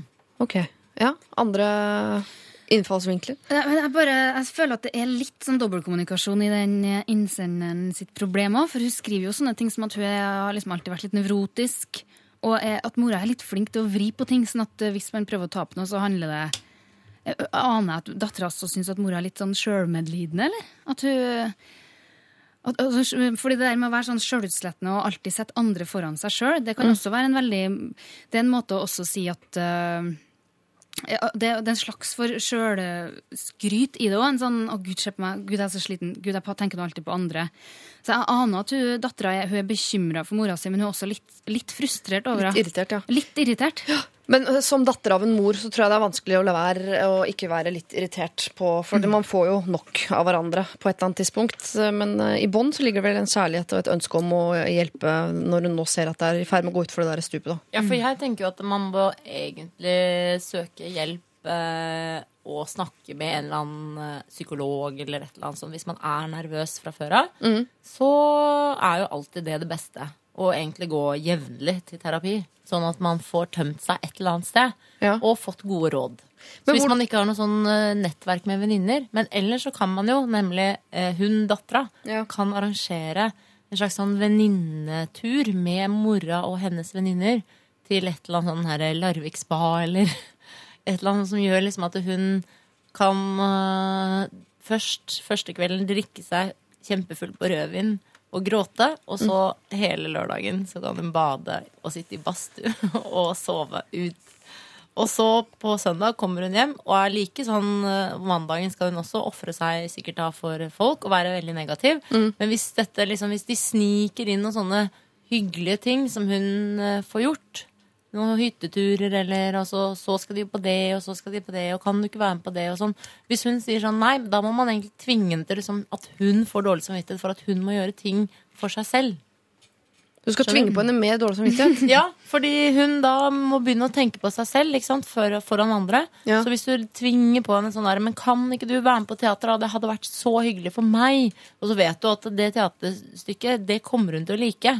Du må ikke presse henne med på sånn og du må være med på bowling hvis hun hater det, f.eks. Nei, ikke bowling. Eller generelt teater hvis de hater teater. og heller vil booke på bowling. for dette er jo et litt sånn rart skifte, på en måte, eh, som jo eh, skal på et eller annet tidspunkt skje i de fleste familier. Det går fra at eh, mor passer på barna, til at barna passer på mor. Og det er i ferd med å skje her. Men så er det jo noen, veldig mange barn som ikke blir med på det skiftet der. Tenker sånn, da klarer jeg meg sjøl. Sayonara. Og så stikker de av gårde. Men så er det også noen mødre som har problemer med å plutselig være sånn å ja, så dere trenger ikke meg lenger. Og så klarer de ikke å gå inn i rollen som den som skal trenge de. Eh, men da må man tvinge de dit, da, eller? Jeg tror det er en veldig nyttig person å snakke med her, hvis eh, han finnes i bildet, er jo far. Ja. For hvis det er sånn at dattera og søstera som mora har krangla med, ikke bor hjemme lenger, så er jo den som er mest sammen med mor, og som ser om hun har det litt vanskelig, er jo far. Um, og så tror jeg, fordi Det er veldig bra med sånn, uh, for en sånn terapipsykolog eller venninner på spa eller hyttetur, men sånne ting kan være litt voldsomt for en uh, godt voksen person. Da. For det første fordi det kan være for dyrt, eller for at det kan være litt sånn utafor det man, man driver med. Vi i Norge driver jo ikke og går til terapeuten absolutt hele tida. Så også sånn helt, va helt vanlig uh, Kanskje skulle gått en tur til fastlegen. Ja. Kan være et ganske nyttig råd til en uh, mor, for det føles ikke så dramatisk. Så, og så ville jeg absolutt ha snakka med han som sannsynligvis ser mest til mor, hvis han finnes da. Far. Kan hende at fastlegen har reservert seg mot deprimerte, selvoppofrende mødre. Ja.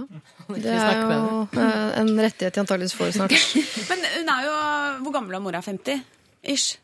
Det så jeg for meg nå. Hvorfor gjorde jeg det? Jeg vet ikke. Kanskje hun er 40, for alt jeg vet. Ja, ja, men hun har i hvert fall er en sliten, eh, sliten dame. Kanskje hun trenger å føle seg ung igjen. Ja. Kanskje hun ikke må på sånn spa- og rødvinskveld. Kanskje hun bare må på pub til pub. Kanskje på fadderuka. Altså bare, kanskje hun må ta X-Fill. Kanskje hun bare må gjøre noe nytt.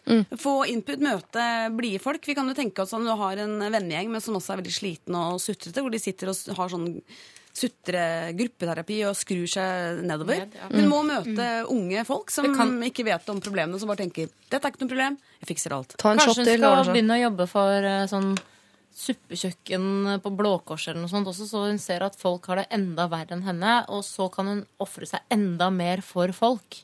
Ja. For det, hvis det er på en måte noe hun liker, på en måte å, å bli sliten, men så kan hun bli sliten på en måte ved å hjelpe andre helt sånn altså dødssliten, men glad.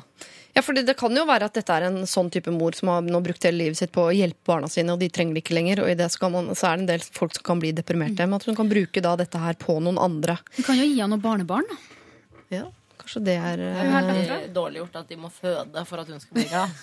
Men herregud, hvis du nå vil hjelpe mora di, og hun trenger noen å være sjølutslettende på vegne av, Ja. så er jo baby Kjempegod idé, faktisk. Ta litt tid, da. ja, ja, ja. Og så er det ikke noen retrettmuligheter der. Eh, men uansett, om hun skal foreslå for moren sin at hun skal ta X-Fill på Bali, eller om hun skal dra på rødvinsfylla på Farris spa, eller om hun skal ah, tilby seg å, å bringe fram et nytt barn til verden, eller noe sånt, så er det jo et problem her, nemlig å ta det opp med mor. For hun vrenger jo alt hun sier til å bli noe negativt. Hvordan, ta, hvordan tar man opp noe med en person som får alt til å bli negativt? Ja, det er jo veldig vanskelig. Å, herregud, jeg er så glad det ikke er med meg. Ja. Rett og slett. Det var det første jeg tenkte på nå. Men eh, det, det, ja, det, det var det jeg tenkte om å bare tvinge henne i knestående. Hun må, hun må vise at hun er sterkere enn mora si, og bare argumentere. At hun må bare dessverre ta det som eh, Kanskje det tar fem minutter, kanskje det tar en time, da, eller to. Så må hun bare ikke gi seg i den diskusjonen hvor hun skal vinne. Hun må gå inn i den kampen. Nå skal jeg fortelle deg at du er sliten. Du argumenterer negativt. Dette skal jeg snu i løpet av denne samtalen. Det må hun bestemme seg for, og bare stå og løpe ut. Det, kan du ikke ta, det tar ikke to uker, tror jeg. Jeg tror det tar kort tid. Men hvordan kan man som mor klare å vrenge dette negativt hvis datteren din kommer til og sier eh, mamma, jeg er veldig glad i deg, det viktigste for meg eh, er eh, at du har det bra. Og så kan man smøre på med sånn jeg kommer alltid til å trenge deg som min mamma, men for at du skal kunne fungere som min mamma, så må du også ha det bra. Hvis ikke så, så er det ikke noe hjelp for meg. At man later som at jeg har et behov for at du har det bra. Det er lurt. Det At noen moren da tenker å ja, nå må jeg faktisk eh, Nå må jeg bli et gladere menneske, for da får barna mine det også bedre. Så later vi som det er derfor, bare et lite øyeblikk. Ja. Går ikke an å snu om det til noe negativt. Åssen skal det gå an? Bruk bruker sjiraffspråket. Ja. Sjiraffspråket, hva er det? Det er sånn relasjonsterapispråk som er at du på en måte bare går ut ifra deg selv, og så, så hun ikke føler noe angrep, da. Så det er jo at du bare snakker om hva du oppfatter, og ikke noe egentlig om henne i det hele tatt. Det er jo sånn du skal gjøre i parterapi, f.eks. For det er det sjiraffene er så vellykka på. Kjempe, De det er derfor de har så lang hals. De strekker seg etter nye og bedre metoder. Det er der det kom fra. Fant jeg ut nå. Eh, kjære hjelpeløs. Det er vel det er blitt sagt i hvert fall to ganger i dag at vi er så glad for at ikke, så glad for at ikke det er meg. Tror jeg har blitt sagt her flere ganger. Eh, og det er jo sikkert på en måte hyggelig å høre, men samtidig ikke. For det er jo, er jo deg, og det er du som skal stå i det. Jeg tror du, du er nødt til å snakke med mammaen din. Om du dytter henne ned i knestående eller bygger henne opp ved å nettopp poengtere at du trenger henne, men da trenger du at hun skal være en fin mamma. Og så kan du godt legge til rette for både Farris spa og X-Fill på Bali og i det hele tatt. Bare dytt noen sånne positive hendelser inn i livet til eh, mor. eh, og bring far på bane hvis han er eh, til stedet. stede. Wow! Det var eh, Takk skal du ha. Eh, lykke til, vil jeg si avslutningsvis. Dette er Dette er P3. Eh, jeg tenkte jeg skulle spørre dere, kjære rådgivere, eh, om dere noen gang har stjålet. I så fall eh, hva? Er det noen som vet nå, eller er det noen som må tenke? Ja, stjert, ja. Hva har du stjålet, Gunhild Dahlberg? Jeg tror to mandariner. Og, ja, men så ble jeg ferska. Første, første, første gang jeg stjal, Ja. så kom mamma og oppdaga meg med en gang i butikken. Eh, Hun sto utafor butikken, og etter det så har jeg ikke turt å stjele. Hvor gammel var du? Tolv. Tolv. Stjal to mandariner fra en lokal Ja, matvareforretning. og hun tok fra meg den karrieren jeg kunne hatt som tyv. Ja, for du var egentlig veldig god. Tydeligvis ikke. da. Tydeligvis ikke. Merk- merka meg, men hun hadde, hun hadde Fordi du hadde ekstremt lyst på mandariner, eller var bare at du hadde behov for å stjele? Jeg hadde behov for å stjele. Ja, okay. var med gruppe, var sånn gruppetyveri. Ja. eh, Som var med på den tida. Og så stjal jeg to mandariner. Um, så, Hvor gjemte du dem? Er det lov å spørre? Inni jakka, selvfølgelig. Ja, ja, ja. Eh, og så ble jeg stjålet. Men mamma hadde overtatt meg i mange år, nesten opp til jeg var 32, tror jeg. Eh, hvor hun sa 'jeg ser på øya dine at du ljuger', for når du ljuger, så får du svarte prikker på deg. For du svarte prikker på øya. Yes. Og det trodde jeg på veldig, veldig veldig lenge. Altfor lenge, egentlig. For det, og det er ikke sant, nei. Jeg trodde Nei. på det nå, nemlig. Ja. Ja. Eh, Hva med deg, Ragnhild? Har du stjålet? Ei flaske rødvin fra bak baren på kanalsamling med den kanalen her, faktisk. NRK P3. Oh, ja. Da vi jobba sammen i P3. ja. På et av de, Jeg husker ikke om det var hotell på Høyfjellet eller ved en fjord. Nei. For vi har alltid, i hvert fall Da jeg jobba i P3, var det kanalsamling en gang i året på et hotell, fjell eller fjord nært. ja. Et av de årene, midten av 2000-tallet, så tøffa jeg meg. Stjal. For kollegaer? Eh, ja, eh, det er faktisk navngitte folk som har maktposisjoner i P3 i dag, som var med på det her. Å stjele? Ja, eller som var øyevitne og og også medskyldig. For det er jo sånn at heleren og stjeleren osv. Den der rødvinsflaska ble jo drukket etterpå på et hotellrom. På sånn nachspiel. Så du, Så har noe det- på, du har noe på noen? Ha- Hvis du skulle komme seg dit? Det er klart, det her kan eh, Jeg har vel først og fremst brukt det til å kunne tøffe meg litt igjen i det studioet her i dag, for jeg har jo stjålet veldig lite. Det er derfor du er her i dag. Ja. Hva med deg, Sigrid? Har du stjålet? hvis det er sånn fyllastjeling, har jeg stjålet- er sykt mye. Ja. Gikk på Romerike folkehøgskole. Da stjal jeg et busskilt. Ja, sånn bussholdeplass-skilt. sånn- bussholdeplassskilt. Ja. Masse skilt. Dagsavisen-flagg fra en kiosk. Eh, Tilfluktsromskilt fra barneskolen. Stjal viskelæret til Sigve en gang, som var sånn veldig fint en i klassen. Stjal jeg. Har du stjålet eh, Eskimonika-skilt noen gang? Så... Stjal i barnehagen. Stjal et smykke. Men du har jo også pleid i det husker du har fortalt meg, å stjele uh, Stjele penner på her. Men stjeler, Etterpå skal jeg stjele stjeler penner tips på bardisken også, som ligger Ja. her. Så pleier du å gå og Ja, ja, ja. de. ja hele 20-åra stjal jeg tips. Ja, fra bardisken. Det var litt irriterende at det lå der, liksom. Jeg tenker sånn, Hvis vi tar tipset, så går det så bra i Norge at da tar jeg det. Ja. ja, ja. Men det er jo ikke det lenger nå. nå ingen som er stjeler noen ting nå? Nei, jeg stjeler ikke lenger nå, men jeg skal jo kanskje begynne med det igjen, da, siden eh, det hørtes jo ganske gøy ut, det jeg hadde gjort. Ja, ja. Ja, det høres ut som du hadde- du har levd liv, liksom. Ja. Jeg tipper jo alle snyter litt på skatten. Det er jo et slags tyveri fra felleskassa. ja, det gjør jeg faktisk ikke. Ikke heller. Blodærlig. Jeg har stjålet en del i fylla, kom jeg på når du begynte å nevne fyllastjeling, for det gjelder liksom ikke. Nei, det er det. Det er fint at dere har det perspektivet på det, for vi skal, eh, vi skal til fyllastjerning-problematikk. Eh, Hvor går altså grensen? Hva kan man ta? Må man levere tilbake? Er man i ordentlig trøbbel? Eh, Vil politiet tro på deg hvis du sier sånn, men det var jo fyllastjerning? Er det en egen kategori? I det hele tatt.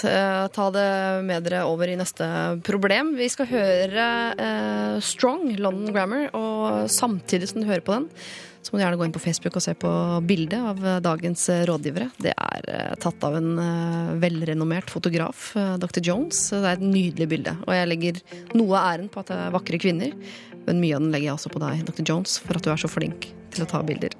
Åh. Dette er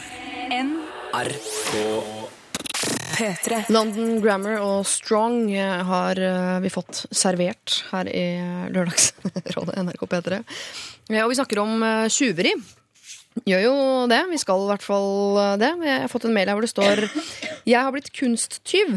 Det vil si at jeg får et enormt kick av å lånestjele kunst og bilder fra utesteder, hoteller og lignende. Dette gjør jeg utelukkende i beruset tilstand, men ender ofte opp med å planlegge kuppet i edru tilstand. Jeg får et enormt kick av dette, men får angst når jeg våkner dagen derpå og leverer alltid tilbake tyvegodset. Jeg vil jo egentlig slutte, men samtidig har det blitt en slags dum hobby jeg får mye livsglede igjen for. Jeg skader jo ingen økonomisk siden jeg lånestjeler, men kan vel havne i en vanskelig situasjon med politiet om jeg blir tatt på fersken. Hva skal jeg gjøre? Jeg syns det er gøy at hun kaller det livsglede, men samtidig angst. Eh, men ja, jeg tror henne. Hva skulle du si, Ragnhild? Jeg tenker først og fremst at det her er en så bra forretningsidé.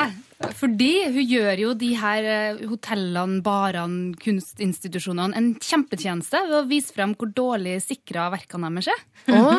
Så i at hun har planlagt det edru og gjort utøvd det i fylla, jeg kan så skjønne at det der er kjempekick. Og da kan hun dagen etter levere tilbake det verket. Og, si, eh, og legge ved et lite sånn kort og si du, det her tok jeg med meg i går. Det er ingen som merka seg det. Dere ville kanskje vært interessert i at det var bedre sikra. Ikke sant? Så kan det være på en måte forretningsideen eh, at hun Så kanskje de sier ja, gud, vi må få opp sikkerheten igjen. Og så sier jeg jeg kan tilby meg å på en ukjent dag, dato, ca. et halvt år inn i framtida, prøve å gjøre det samme. Og så kan jeg på en måte få testa hvor bra Det er lurt da, å vite hvor sikkert det er før du henger opp en munk eller noe på veggene. Dette minner veldig om en av mine tidligere favorittfilmer gjennom livet, som heter Sneakers. Jeg vet ikke om det er så mange som har sett den, men det er altså et firma som driver med nettopp dette her. Oi. Stjeler ting på oppdrag for å sjekke ut sikkerheten, med annet Robert Redford. Nydelig film. Anbefales på det sterkeste. Øh, men selv om hun har dette visittkortet og så videre, og det står 'jeg skal levere tilbake', og jeg, er på jobb for dere uten at dere har bedt om det, osv. Hvis hun blir tatt på fersken, da, som Gunhild Dahlberg i en alder av øh, åtte, eller hva det var, men av politiet så gjelder det vel ikke å dra dette Det hjelper ikke å dra et Jeg visittkort opp i lommeboka og si sånn Jeg prøver bare å hjelpe.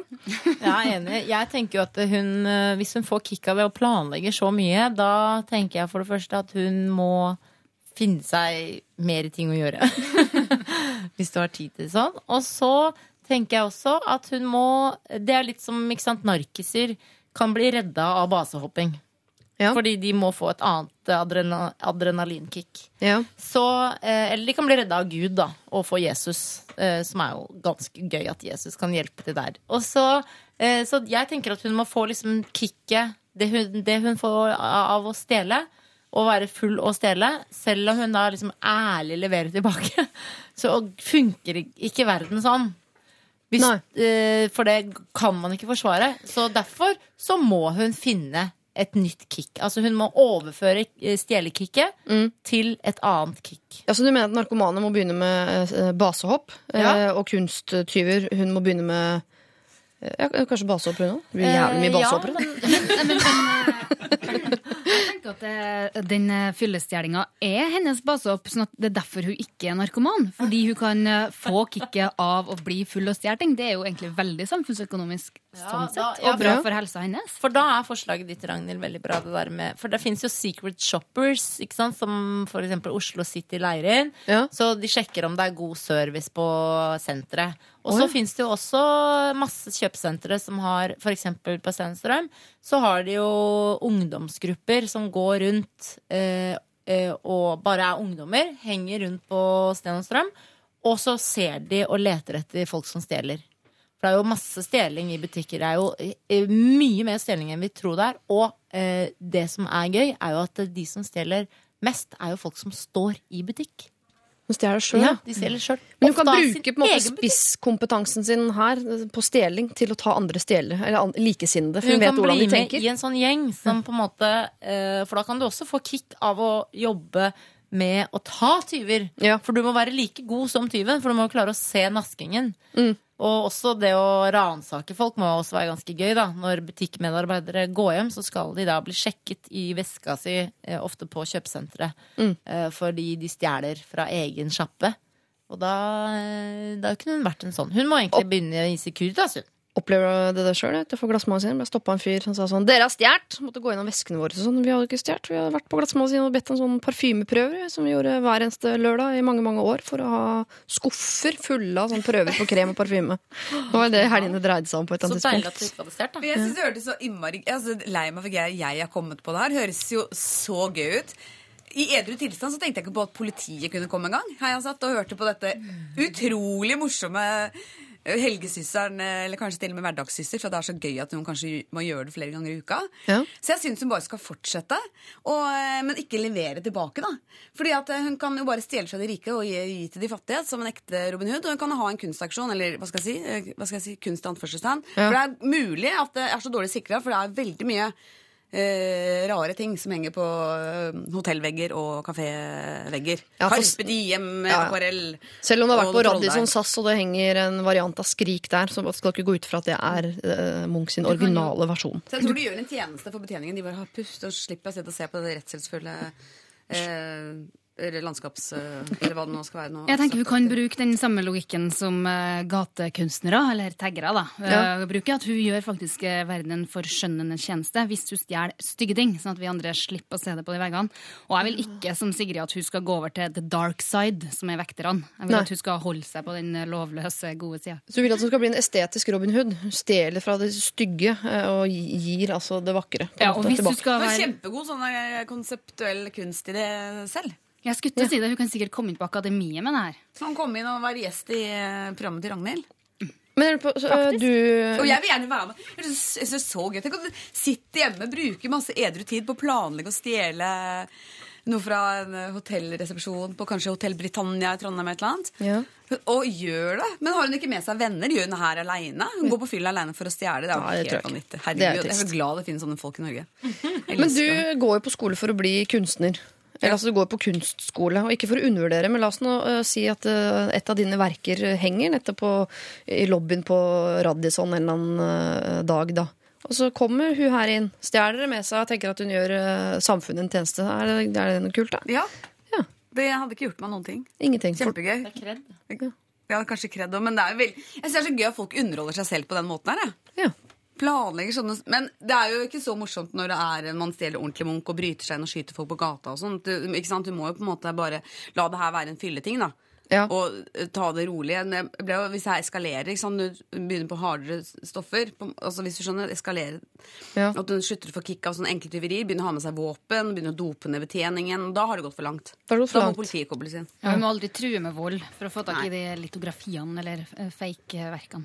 Men hvis, eh, hvis hun ønsker å stoppe, da, for jeg får lite inntrykk av at hun ønsker å stoppe, eh, så eh, vet du jo at du stoppet jo allerede i en alder av åtte, Gunhild. Da var moren din som sa strengt ifra. Det funka. Så eh, kan vi bruke det her? Kan vi eventuelt be henne på en måte bli litt mindre flink tyv, i håp om at hun blir tatt av politiet? At kanskje det er det er den støkken hun trenger for at hun eh, slutter? Kan man framprovosere å bli tatt? Ja, at vi ringer inn. Ja. at hun bare slutter å planlegge, eksempel? At hun blir litt mer sånn impulstyv? Ja. Hun kan jo ha såpass kontroll på seg sjøl når hun er edru, i hvert fall. At hun ikke eh, legger den neste ut på bar og på fylla-tingen til et sted hvor hun vet at det blir for fristende å stjele med seg den skulpturen. Jeg tenker bare at hun må finne et nytt kick, kickboksing, for eksempel. Narkotika, da, som du reklamerte for i sted. Eh, Nei, helst ikke. Helst Jeg er veldig imot narkotika. Ja. Men så derfor så må hun finne noe som er eh, psycho.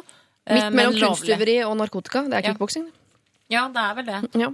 For, eller gangbang. Jeg vet ikke. Et eller annet hvert fall som gjør at det er uh, heftig Ja. og, og gir uh, et kick. Det er helt tydelig at du trenger et kick i livet ditt, og Gunhild Dahlberg gir deg som kunstner og tidligere tyv gir hun deg tillatelse til å dure på og fortsette, men ikke la det eskalere.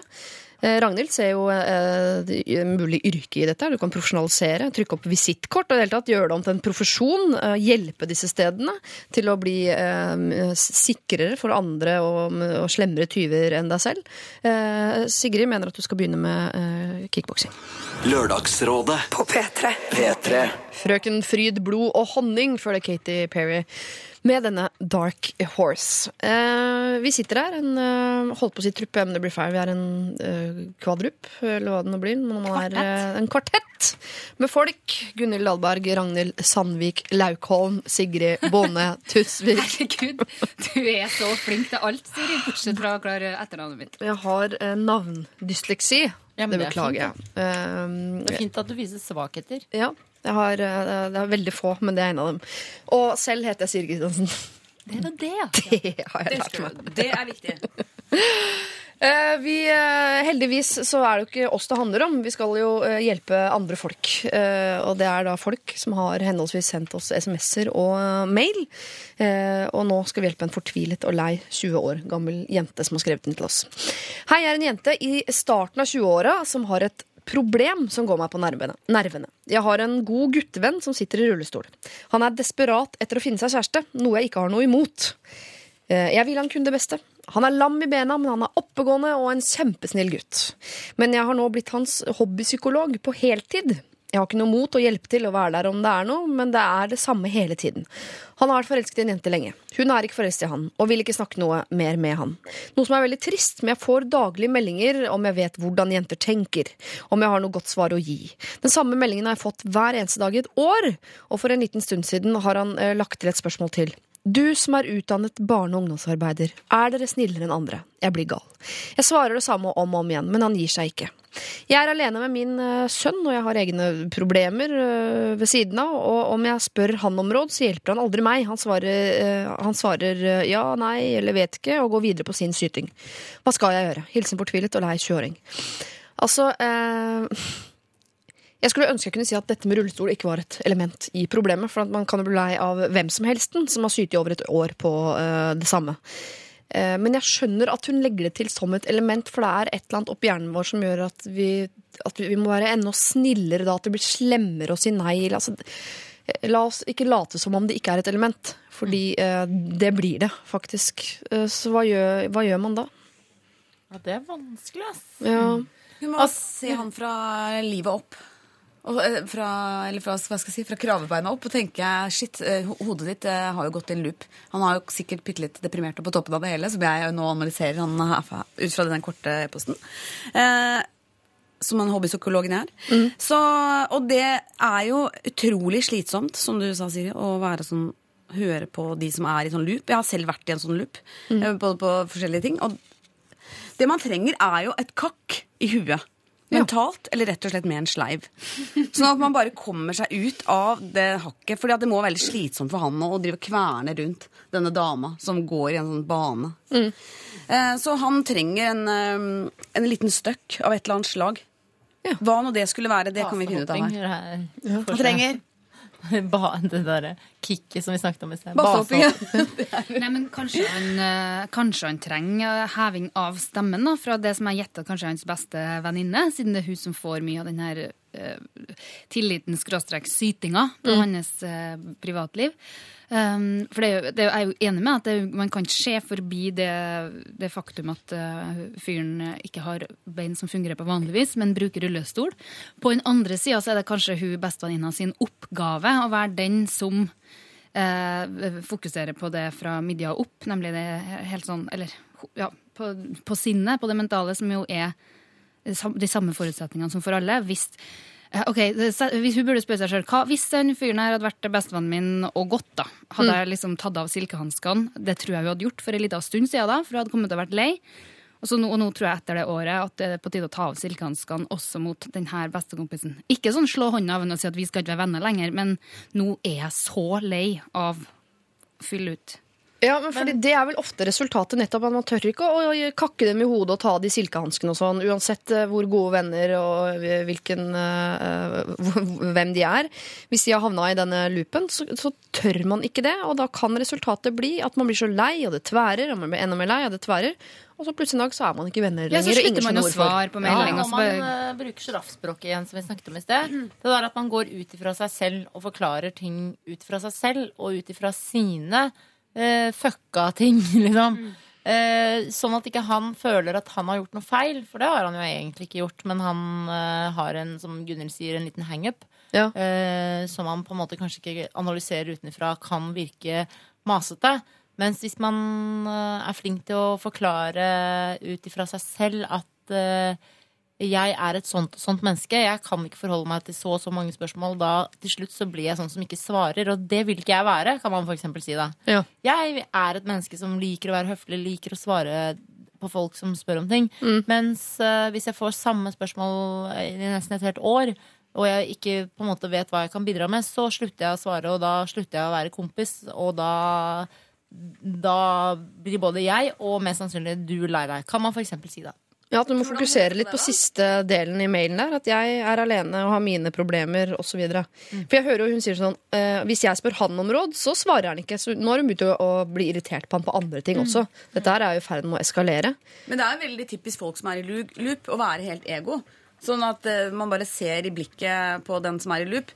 Og hvis man sier sånn «Ah, Nei, jeg, eh, jeg skal til Thailand i, i to uker. Så ser du at de bare sånn, er sånn shutdown i blikket, og de bare Det, det går ikke inn. Jeg har fått barn, kan du si. Jeg har fått kreft. Det er bare Det er som å snakke til en vegg. Det er bare en sånn vegg som snakker til deg hele tiden.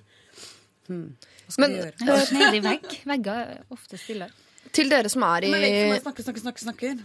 Ingenting går inn. Ja, det var et dårlig eksempel. Sorry, Ragnhild. Men til dere som har vært i loop, da. Du sier at du har vært i loop sjøl, Gunhild. Skal ikke grave i hvilken loop du har vært i. Men hvordan kom du deg ut av den loopen, da? Var det noen som kakka deg i huet? Å, herregud, hadde det enda vært så vel. Det eneste jeg bare tenkte på når jeg kom ut av den første loopen, Ja. det var For etter hvert når jeg kom ut av den loopen og begynte å se på verden, så begynte jeg på seilkurs. Ja. Og da tenkte jeg shit, hvorfor begynte jeg ikke bare med seilkurs når jeg var midt i loopen?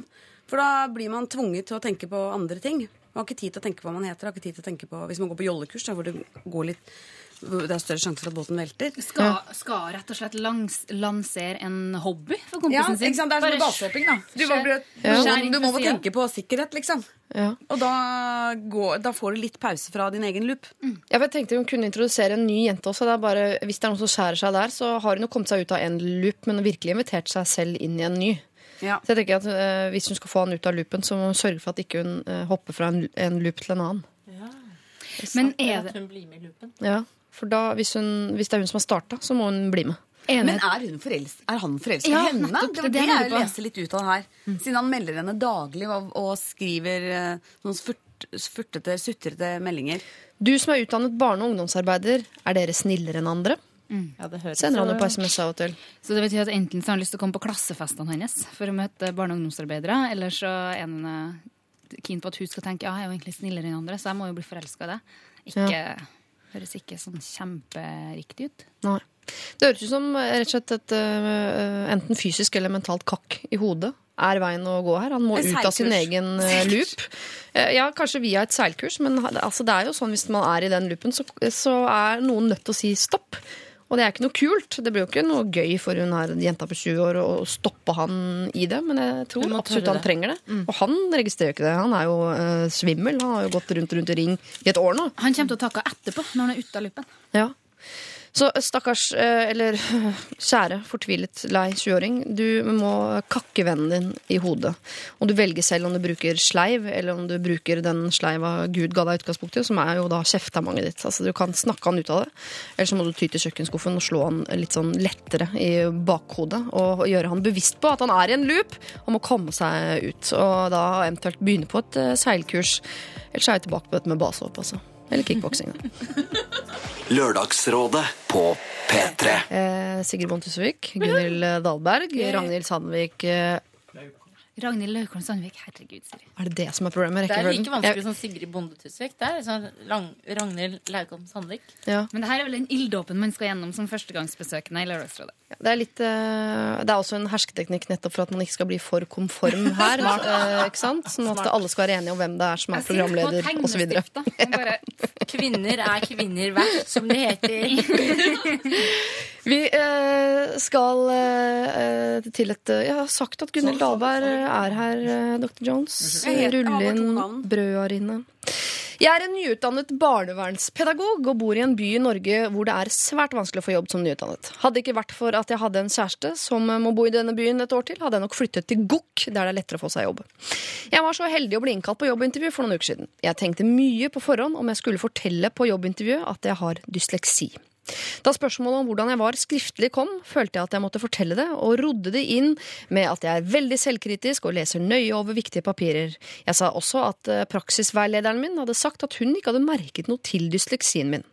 Intervjueren sa også da selv at hun ikke så noe til dette i jobbsøknaden, og smart som jeg var, klarte jeg da å si nei, nei, den har pappa lest korrektur på.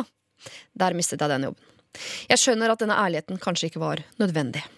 Jeg lurer eh, altså på om jeg bør fortelle at jeg har dysleksi på neste jobbintervju. Jeg liker å være åpen på det, sånn at folk har en forståelse for de orddelingsfeil og stavelser som noen ganger kan dukke opp. Dersom jeg ikke forteller dette på intervjuet, men heller kommer med det etterpå, vil vel sjefen føle seg litt lurt? Det er vanskelig nok å få jobb som nyutdanna, så jeg kan ikke se for meg at dysleksi vil vippe i min favør. Akkurat. Hvis jeg lar være å si det på intervjuet, må jeg da forbli skapdyslektiker for alltid. Hilsen ufrivillig skapdyslektiker PS. Pappa har ikke lest korrektur på denne mailen, men mailen i seg selv har vel forklart eventuelle skrivefeil. Eh, som eh, ikke på papiret dyslektiker, eh, men selverklært, så har jeg ikke sett en eneste skrivefeil i denne mailen. Oi. Men det tar jeg på egen kappe. Eh, hva syns dere? Skal hun si fra på neste jobbintervju? Jeg syns i hvert fall at hun skal gjøre akkurat det som hun tror er best egnet til å gi henne jobben. Eh, Fordi eh, Jeg syns ikke at hun skylder noen å si fra om det, siden hun, det, hun kommer til å gjøre jobben sin bra og eventuelt bare må bruke litt lengre tid.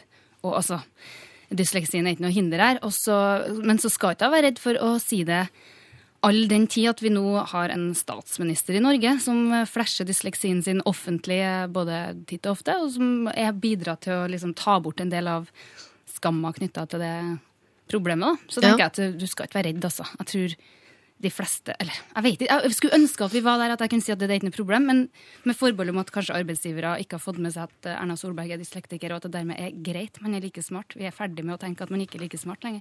Ja, det er jeg helt enig i. Det er jo, men det trodde jeg vi var ferdig med. Uh, at man tenker at dyslektikere ikke er smarte. Eh, men eh, man skal jo ikke være brutalt ærlig på jobbintervju. Mm, det er jo derfor man svarer veldig, veldig veldig vagt. Men når man skal snakke om sine dårlige sider, ikke sant? Hva er dine Jeg er kanskje litt sider? for nøyaktig og veldig pliktoppfyllende. Jobber veldig mye. Så du er, eller så burde det være sånn Jeg er skikkelig ræva til å koste etter meg etter at jeg driter på jobben klokka tolv. Altså, det er jo veldig mange her i P3 i hvert fall som burde ha sagt idet du var på jobbintervju. Mm. Eh, her. Vi har gått glipp av mange store radiopersonligheter hvis folk hadde vært ærlige om det. på Ikke sant? Ja, Ja. hadde det vært eh, ryke ut mange herfra fra korridoren. Ja, ja Radioresepsjonen hadde ikke vært et program her på kanalen, f.eks. Men, eh, men derfor så mener jeg at man ikke skal eh, trenge å si det eh, hvis ikke det er et åpenbart sånn kjempeproblem. Eh, her blir hun da stilt spørsmål om eh, hvordan hun fungerer skriftlig. Det vil si at eh, de jobbene hun søker, har mye skriving. da. Ja, men hun er jo barnevernspedagog. Jeg skjønner at papirer må skrives. Men det hadde vært verre hvis hun var sånn eh, Jeg har en lyst til å slå barn. altså, Altså, Hvis hun skulle skrevet lover inn i norske lovboka, så hadde Ja. det jo vært veldig dumt. Og hvis Eh, hun Kanskje hvis hadde hun søkt- ikke hadde fått korrekturlesing etterpå. Hvis du hadde søkt jobb som korrekturleser, Der- så ser jeg at hun hadde måttet opplyse om det her. Ja. I barnevernet er ikke så nødvendig. Og det kan dele en eh, formulering som kan være litt avvæpnende, når de spør sånn Ja, hva vil du si at er den mest eh, negative sida? Uh, smil bredt og si at nå er det litt min oppgave å sitte her og greie ut om hva som eventuelt vil være problemet med en ansettelse. Det får være opp til andre. Bare liksom yeah. fraskyv deg det ansvaret, for du skal jo bare vise til referanser som sier at du er en råbra barnevernspedagog, eksempel. Men jeg som eh, ansetter, hvis det heter det, eh, ville blitt skeptisk hvis jeg sa sånn Ja, har du noen negative egenskaper? Som jeg jo går ut fra at mm, folk flest har det. Og noen sa sånn Nei, det, det får bli opp til deg å vurdere. Så jeg sånn Wow, her er det et eller annet Det hadde jeg tenkt, eh, Er du politiker, shit. er du eh, Ja. kongelig? For det her er, helt, det er skikkelig døvt å svare, syns jeg. Da Mm. Da tenker jeg vi kommer, vi kan, Du tar aldri kritikk, hadde jeg tenkt. Hvis man da sier du, eh, hvorfor bruker du ikke dobørsten', så 'hæ, jeg bruker jo do med dobørsten'. Da. Tar, ikke- tar, tar ikke det tissa, da. Herregud, så dårlig jeg var på å prate i dag. Hva har skjedd? Nei, du har dysleksi i munnen. Pra Oral dysleksi.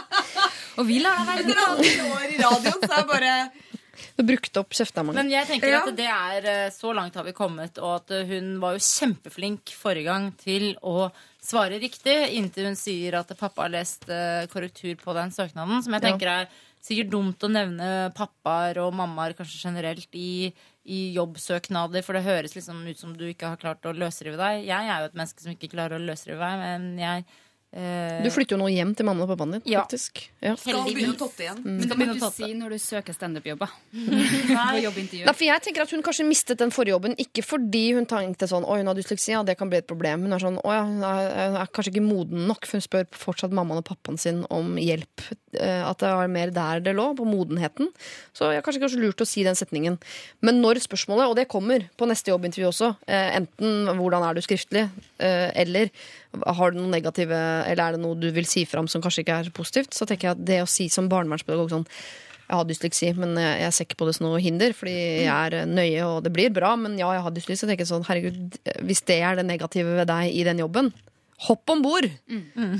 Altså, jeg- det er nesten bra. Jeg skulle ønske jeg hadde noe sånt jeg kunne si på jobbintervju. ja, Som var sånn, det, er, altså, det er lov å si som en negativ ting, men har jo ikke noe med saken å gjøre. Jeg syns hun er, nesten litt heldig, ja, som har en så liksom, konkret ting å slå i bordet med på det spørsmålet der. Men hvis hun, eh, jeg bare tenker, ser for meg livet hennes i et eh, større perspektiv her, og hvordan det kommer til å bli framover. Hun kommer til å kjede vettet av seg i den lille byen. og det sant, får en jobb der, og snart så bare tenker hun herregud, jeg skulle jo, jeg har valgt feil yrke, jeg skulle flytta til Oslo eksempel. Når hun bor i en stor by vil flytte til Gokk, men hun mener at det er lettere Ja. å få seg jobb i, på små steder enn store. Jeg har løsningen. Ja. Fordi at eh, Det hun må gjøre, det er å bare søke seg inn på radiojournalistikk i Volda. Veldig lite skriving, utrolig mye prating, og det er perfekt for uh, dyslektikere. Ja. Og Da bor hun også i Gokk i Volda, får seg en ny utdannelse, tar seg en ny bachelorgrad, kanskje får seg en ny type, Uh, og får seg jobb i de- en eller annen distriktssending etterpå. NRK trenger alltid flinke og pliktoppfyllende kvinner. Ja. Så du har gitt en du har gitt henne et helt nytt liv, du nå? Ja. Og du sa du Vil du ikke kunne prate lenger. Men jeg ha det etter hvert. Se for meg tidlig 20 år. Du er ender jo aldri opp med sammen med tidlig 20 år Nei, men det skal man ikke vite da. Nå, det, og Det er hemmelig. Jeg gjorde det, da. Ja. Gikk i Volda på den radiolinja, endte opp med han jeg var sammen med tidlig i 20-åra. Hæ, Runa? Shit Ja, men du gikk jo i Volda tidlig i 20-åra. Ja. Hun er jo kanskje litt eldre da når hun begynner. Finner en ny type der. Ligger med alle sammen. Det er det man gjør i Volda. Første året. Ja, første året. Andre året sirkler man seg inn på en type. Andre året antibiotika mot klamydia, og så tredje året Så kan du begynne som journalist. Ja. Herregud, det er perfekt for henne. Ja, okay. Hun har framtida foran seg. Jeg sier lykke til. Ufrivillig skapedyslektiker. Der har du fått svar på kanskje mer enn du ba om. Eh, Jeg tror nok absolutt du kan eh, nevne at du har dysleksi også på neste jobbintervju, men ikke snakk så mye om mammaen og pappaen din. Eh, Og så har du jo fått et helt nytt liv servert på et fat som ikke du ba om, hvis du syns det høres fristende ut. Så for all del, altså. Her føler jeg at jeg trenger en tilbakemelding fra deg på hvor mange av rådene du gikk for. Du holdt deg til dysleksirådene, eller om du nå har søkt Volda, om du har dumpa om vi har liksom snudd livet ditt opp ned. Det vil jeg veldig gjerne vite. Send det inn til oss på lralfakrøll.nrk.no. NRK. P3. Susanne Sundfør Walls eh, var det, og det er på tide at vi skal dele ut en eh, T-skjorte. Sigrid, Gunhild og Ragnhild, dere skal få eh, repetert fra meg, altså dagens kandidater til denne høytsvevende T-skjorta Vi er kvinner i 30-åra høres ut som tre kvinner på 87. til sammen. Sigrid, Ragnhild og Vi høres egentlig ut som vi var i Njålsaga alle sammen. Jeg har ikke tenkt på Sigrid, Ragnhild og Gunhild. Så. Siri er liksom det mest moderne navnet. Ja, ja. Jeg høres ut som jeg driver med tekno. Stripping. så det er driver med. Siri, 21 år fra Hamar, foran på Vi menn. Ok. Vi, har eh, en, eh, vi startet med en eh, ung mann i dag som hadde et ønske om å bli en god stefar. Han har ikke møtt barna til kjæresten sin ennå, og er nervøs for det første møtet. Han vil at de skal like han. Og så har vi en eh, jente som eh, var i stuss på om hun må eh, bytte frisør etter at frisøren hun da vanligvis går til, driver og baksnakker en god venninne av henne. Så har vi Sutt, sutt, sutt. Eh, altså denne jenta som ikke klarer å slutte å sutte på tommelen. Hun må sutte seg selv i søvn, noe som er problematisk nå som hun har møtt en fyr som hun ofte da deler seng med. Eh, Det har blitt for mye for mamma, er det en som skriver eh, inn. Har en mor som setter seg selv bakerst i rekka alltid, og er på vei utfor et stup, og hun ønsker altså å snu dette. Vi har en eh, slags kunsttyv. altså Hun leverer alltid tilbake, men hun har et enormt behov for dette kicket det gir å planlegge og stjele kunst fra kafeer og hoteller osv. Og, eh, og lurer på om hun må slutte med det, om det er eh, ulovlig, hva skjer hvis politiet kommer osv. Eh, Jeg kan ikke være psykologen din, er det en som skriver også. Har da en eh, kompis i eh, rullestol som nå i over et år har vært i loop på en jente han har vært forelsket i, og daglig ber om de samme rådene om og om og om igjen. Hun får seg ikke til å på en måte si nok er nok. Og så har vi også en dyslektiker her eh, på tampen som eh, tror hun mistet sin forrige mulighet til jobb ved å innrømme at eh, pappa hadde lest korrektur på søknaden fordi hun har dysleksi, og lurer på om hun skal være så ærlig i sitt neste jobbintervju. Er det noen her som peker seg ut, søstre, som verdig kandidat av et stykke tøy? Jeg tenker på hun er med Totten, men da vil hun få en sånn sutteklut Mm. istedenfor. Så da får jeg uh, liksom tenke at hun skal få meg ta den tilbake. Ja. Hun får den ikke likevel. Eh, jeg tror jeg vil, jeg, hvis jeg kan velge, da, så vil jeg gi den til hun mora uh, som er på vei utafor stupet. Og så dattera. Nei, vi gir den til mora. Og så dattera får den. Ja, dattera får den, hun dattera gi den til mora. Ja. Spille dette her høyt på podkast. Så slipper hun å si det selv. Ja, det er jo veldig nyttig, Jeg da. er, jeg er et geni, altså. ja. Det må være hardt. Er Være så, så smart. Jeg er også veldig fan av at uh, dattera skal få gi T-skjorta til mora. ja. Men kan vi legge det Altså, kan vi legge de føringene? Jeg vet ikke. Kan vi ikke det? Ja, Kanskje. Men, Da må fall alle tre være veldig veldig enige om det. Sånn at eh, det må, altså, dere tre må gå sammen sterkt mot meg. Men for jeg syns også hun til. Nei, jeg har ikke noe jeg skulle ha sagt. Nei, okay. Jeg syns hun som uh, har mista jobben Nei, ikke fått jobb ennå, skal også få den. Hun som skal til Volda? Hun trenger ikke nye klær. Hun skal jo ha så gøy Volda. Spise sveler til lunsj. For det er mye, jeg synes det er mange av dem her som kan, ha god bruk, altså, som kan bruke den T-skjorta som en icebreaker. på en måte. Han vordende stefaren òg kunne ha hatt på seg den T-skjorta, de, altså, og så blir det sånn eh, en veldig fin inngang til å snakke om at det her har jeg tenkt på. ikke sant? Ja. På samme måte som du kunne ha gitt det til mora. inngang til å snakke om det, Kan ha det på seg på neste jobbintervju, da, hun dyslektikeren. Ja. For å huske på at I'm dys- dyslectic and I'm proud. Men nå tenker dere mer på T-skjortas framtid enn altså, på disse menneskene som skal bære T-skjorta, føler jeg. Ja, det er Ja, ja, ja, ja. Tenk kjøtt, ikke bomull. Skal man alltid tenke på mennesker bak bomull Tenk alltid på kjøtt før dere tenker på bomull. før du kjøper bomull? Det er en smart regel. Jeg holder en knapp fortsatt på hun der. Gi meg ikke på hun der mora, altså. Ja, Mora, jeg, jeg kan- dattera til mora. Jeg kan være med på dattera til mora. Jeg synes Den andre veldig gode kandidaten er hun hobbypsykologen for han kompisen i rullestol. For det synes jeg var et veldig vanskelig og Ja, du kunne ha trengt støtten, da. Ja, hun har knapt tid til seg selv også. Ikke sant? Stakkars, svare eh. Alenemor og rullestolvenn kunne òg hatt godt av ei stille kjæreste. Men eh, for eh, konsensusens del så er jeg med på mor og datter. Kjempebra. Mor og datter. Men er vi da også med på at mor og datter seg imellom kan bestemme hvem som beholder selve eksemplaret? Så lenge Ja. den tøybiten kan føre til en samtale mellom mor og datter, eventuelt med innslag av podkast. Det er eh, hjemmelekse. Det er hjemmelekse. Da går det en T-skjorte altså til eh, deg som har en mor som ikke er flink til å tenke på eh, seg selv. Den kommer i postkassa om eh, litt. Eh, tusen takk til dagens rådgivere, Sigrid, Ragnhild og Gunhild. Eh, vi skal starte en yoghurtfabrikk sammen. Det høres jo så koselig ut med de navnene. Eh, ha en fortreffelig lørdag videre. En fortreffelig eh, 8. mars-feiring. Tusen takk. I like måte. Lørdagsrådet med Siri Kristiansen. På P3. P3. Hi, as a kite, dette her med Leaving No eh, Traces. Eh, Dagens eh, lørdagsråd kan du laste ned som podkast om en ti minutters tid, vil jeg tro. Og så er vi selvfølgelig tilbake da om ganske nøyaktig en uke. Da med Jenny Skavlan, Christer Torjussen og Ken Vasenius Nilsen. Tida imellom der kan du fylle med hva du vil, men jeg vet at den uansett antageligvis vil bestå av noe problematikk, og det må du gjerne sende inn til oss. Da er det lralfakrøll.nrk.no. Vi høres om en uke. P3. Dette er Lørdagsrådet På P3. P3. Hør flere podkaster på nrk.no podkast.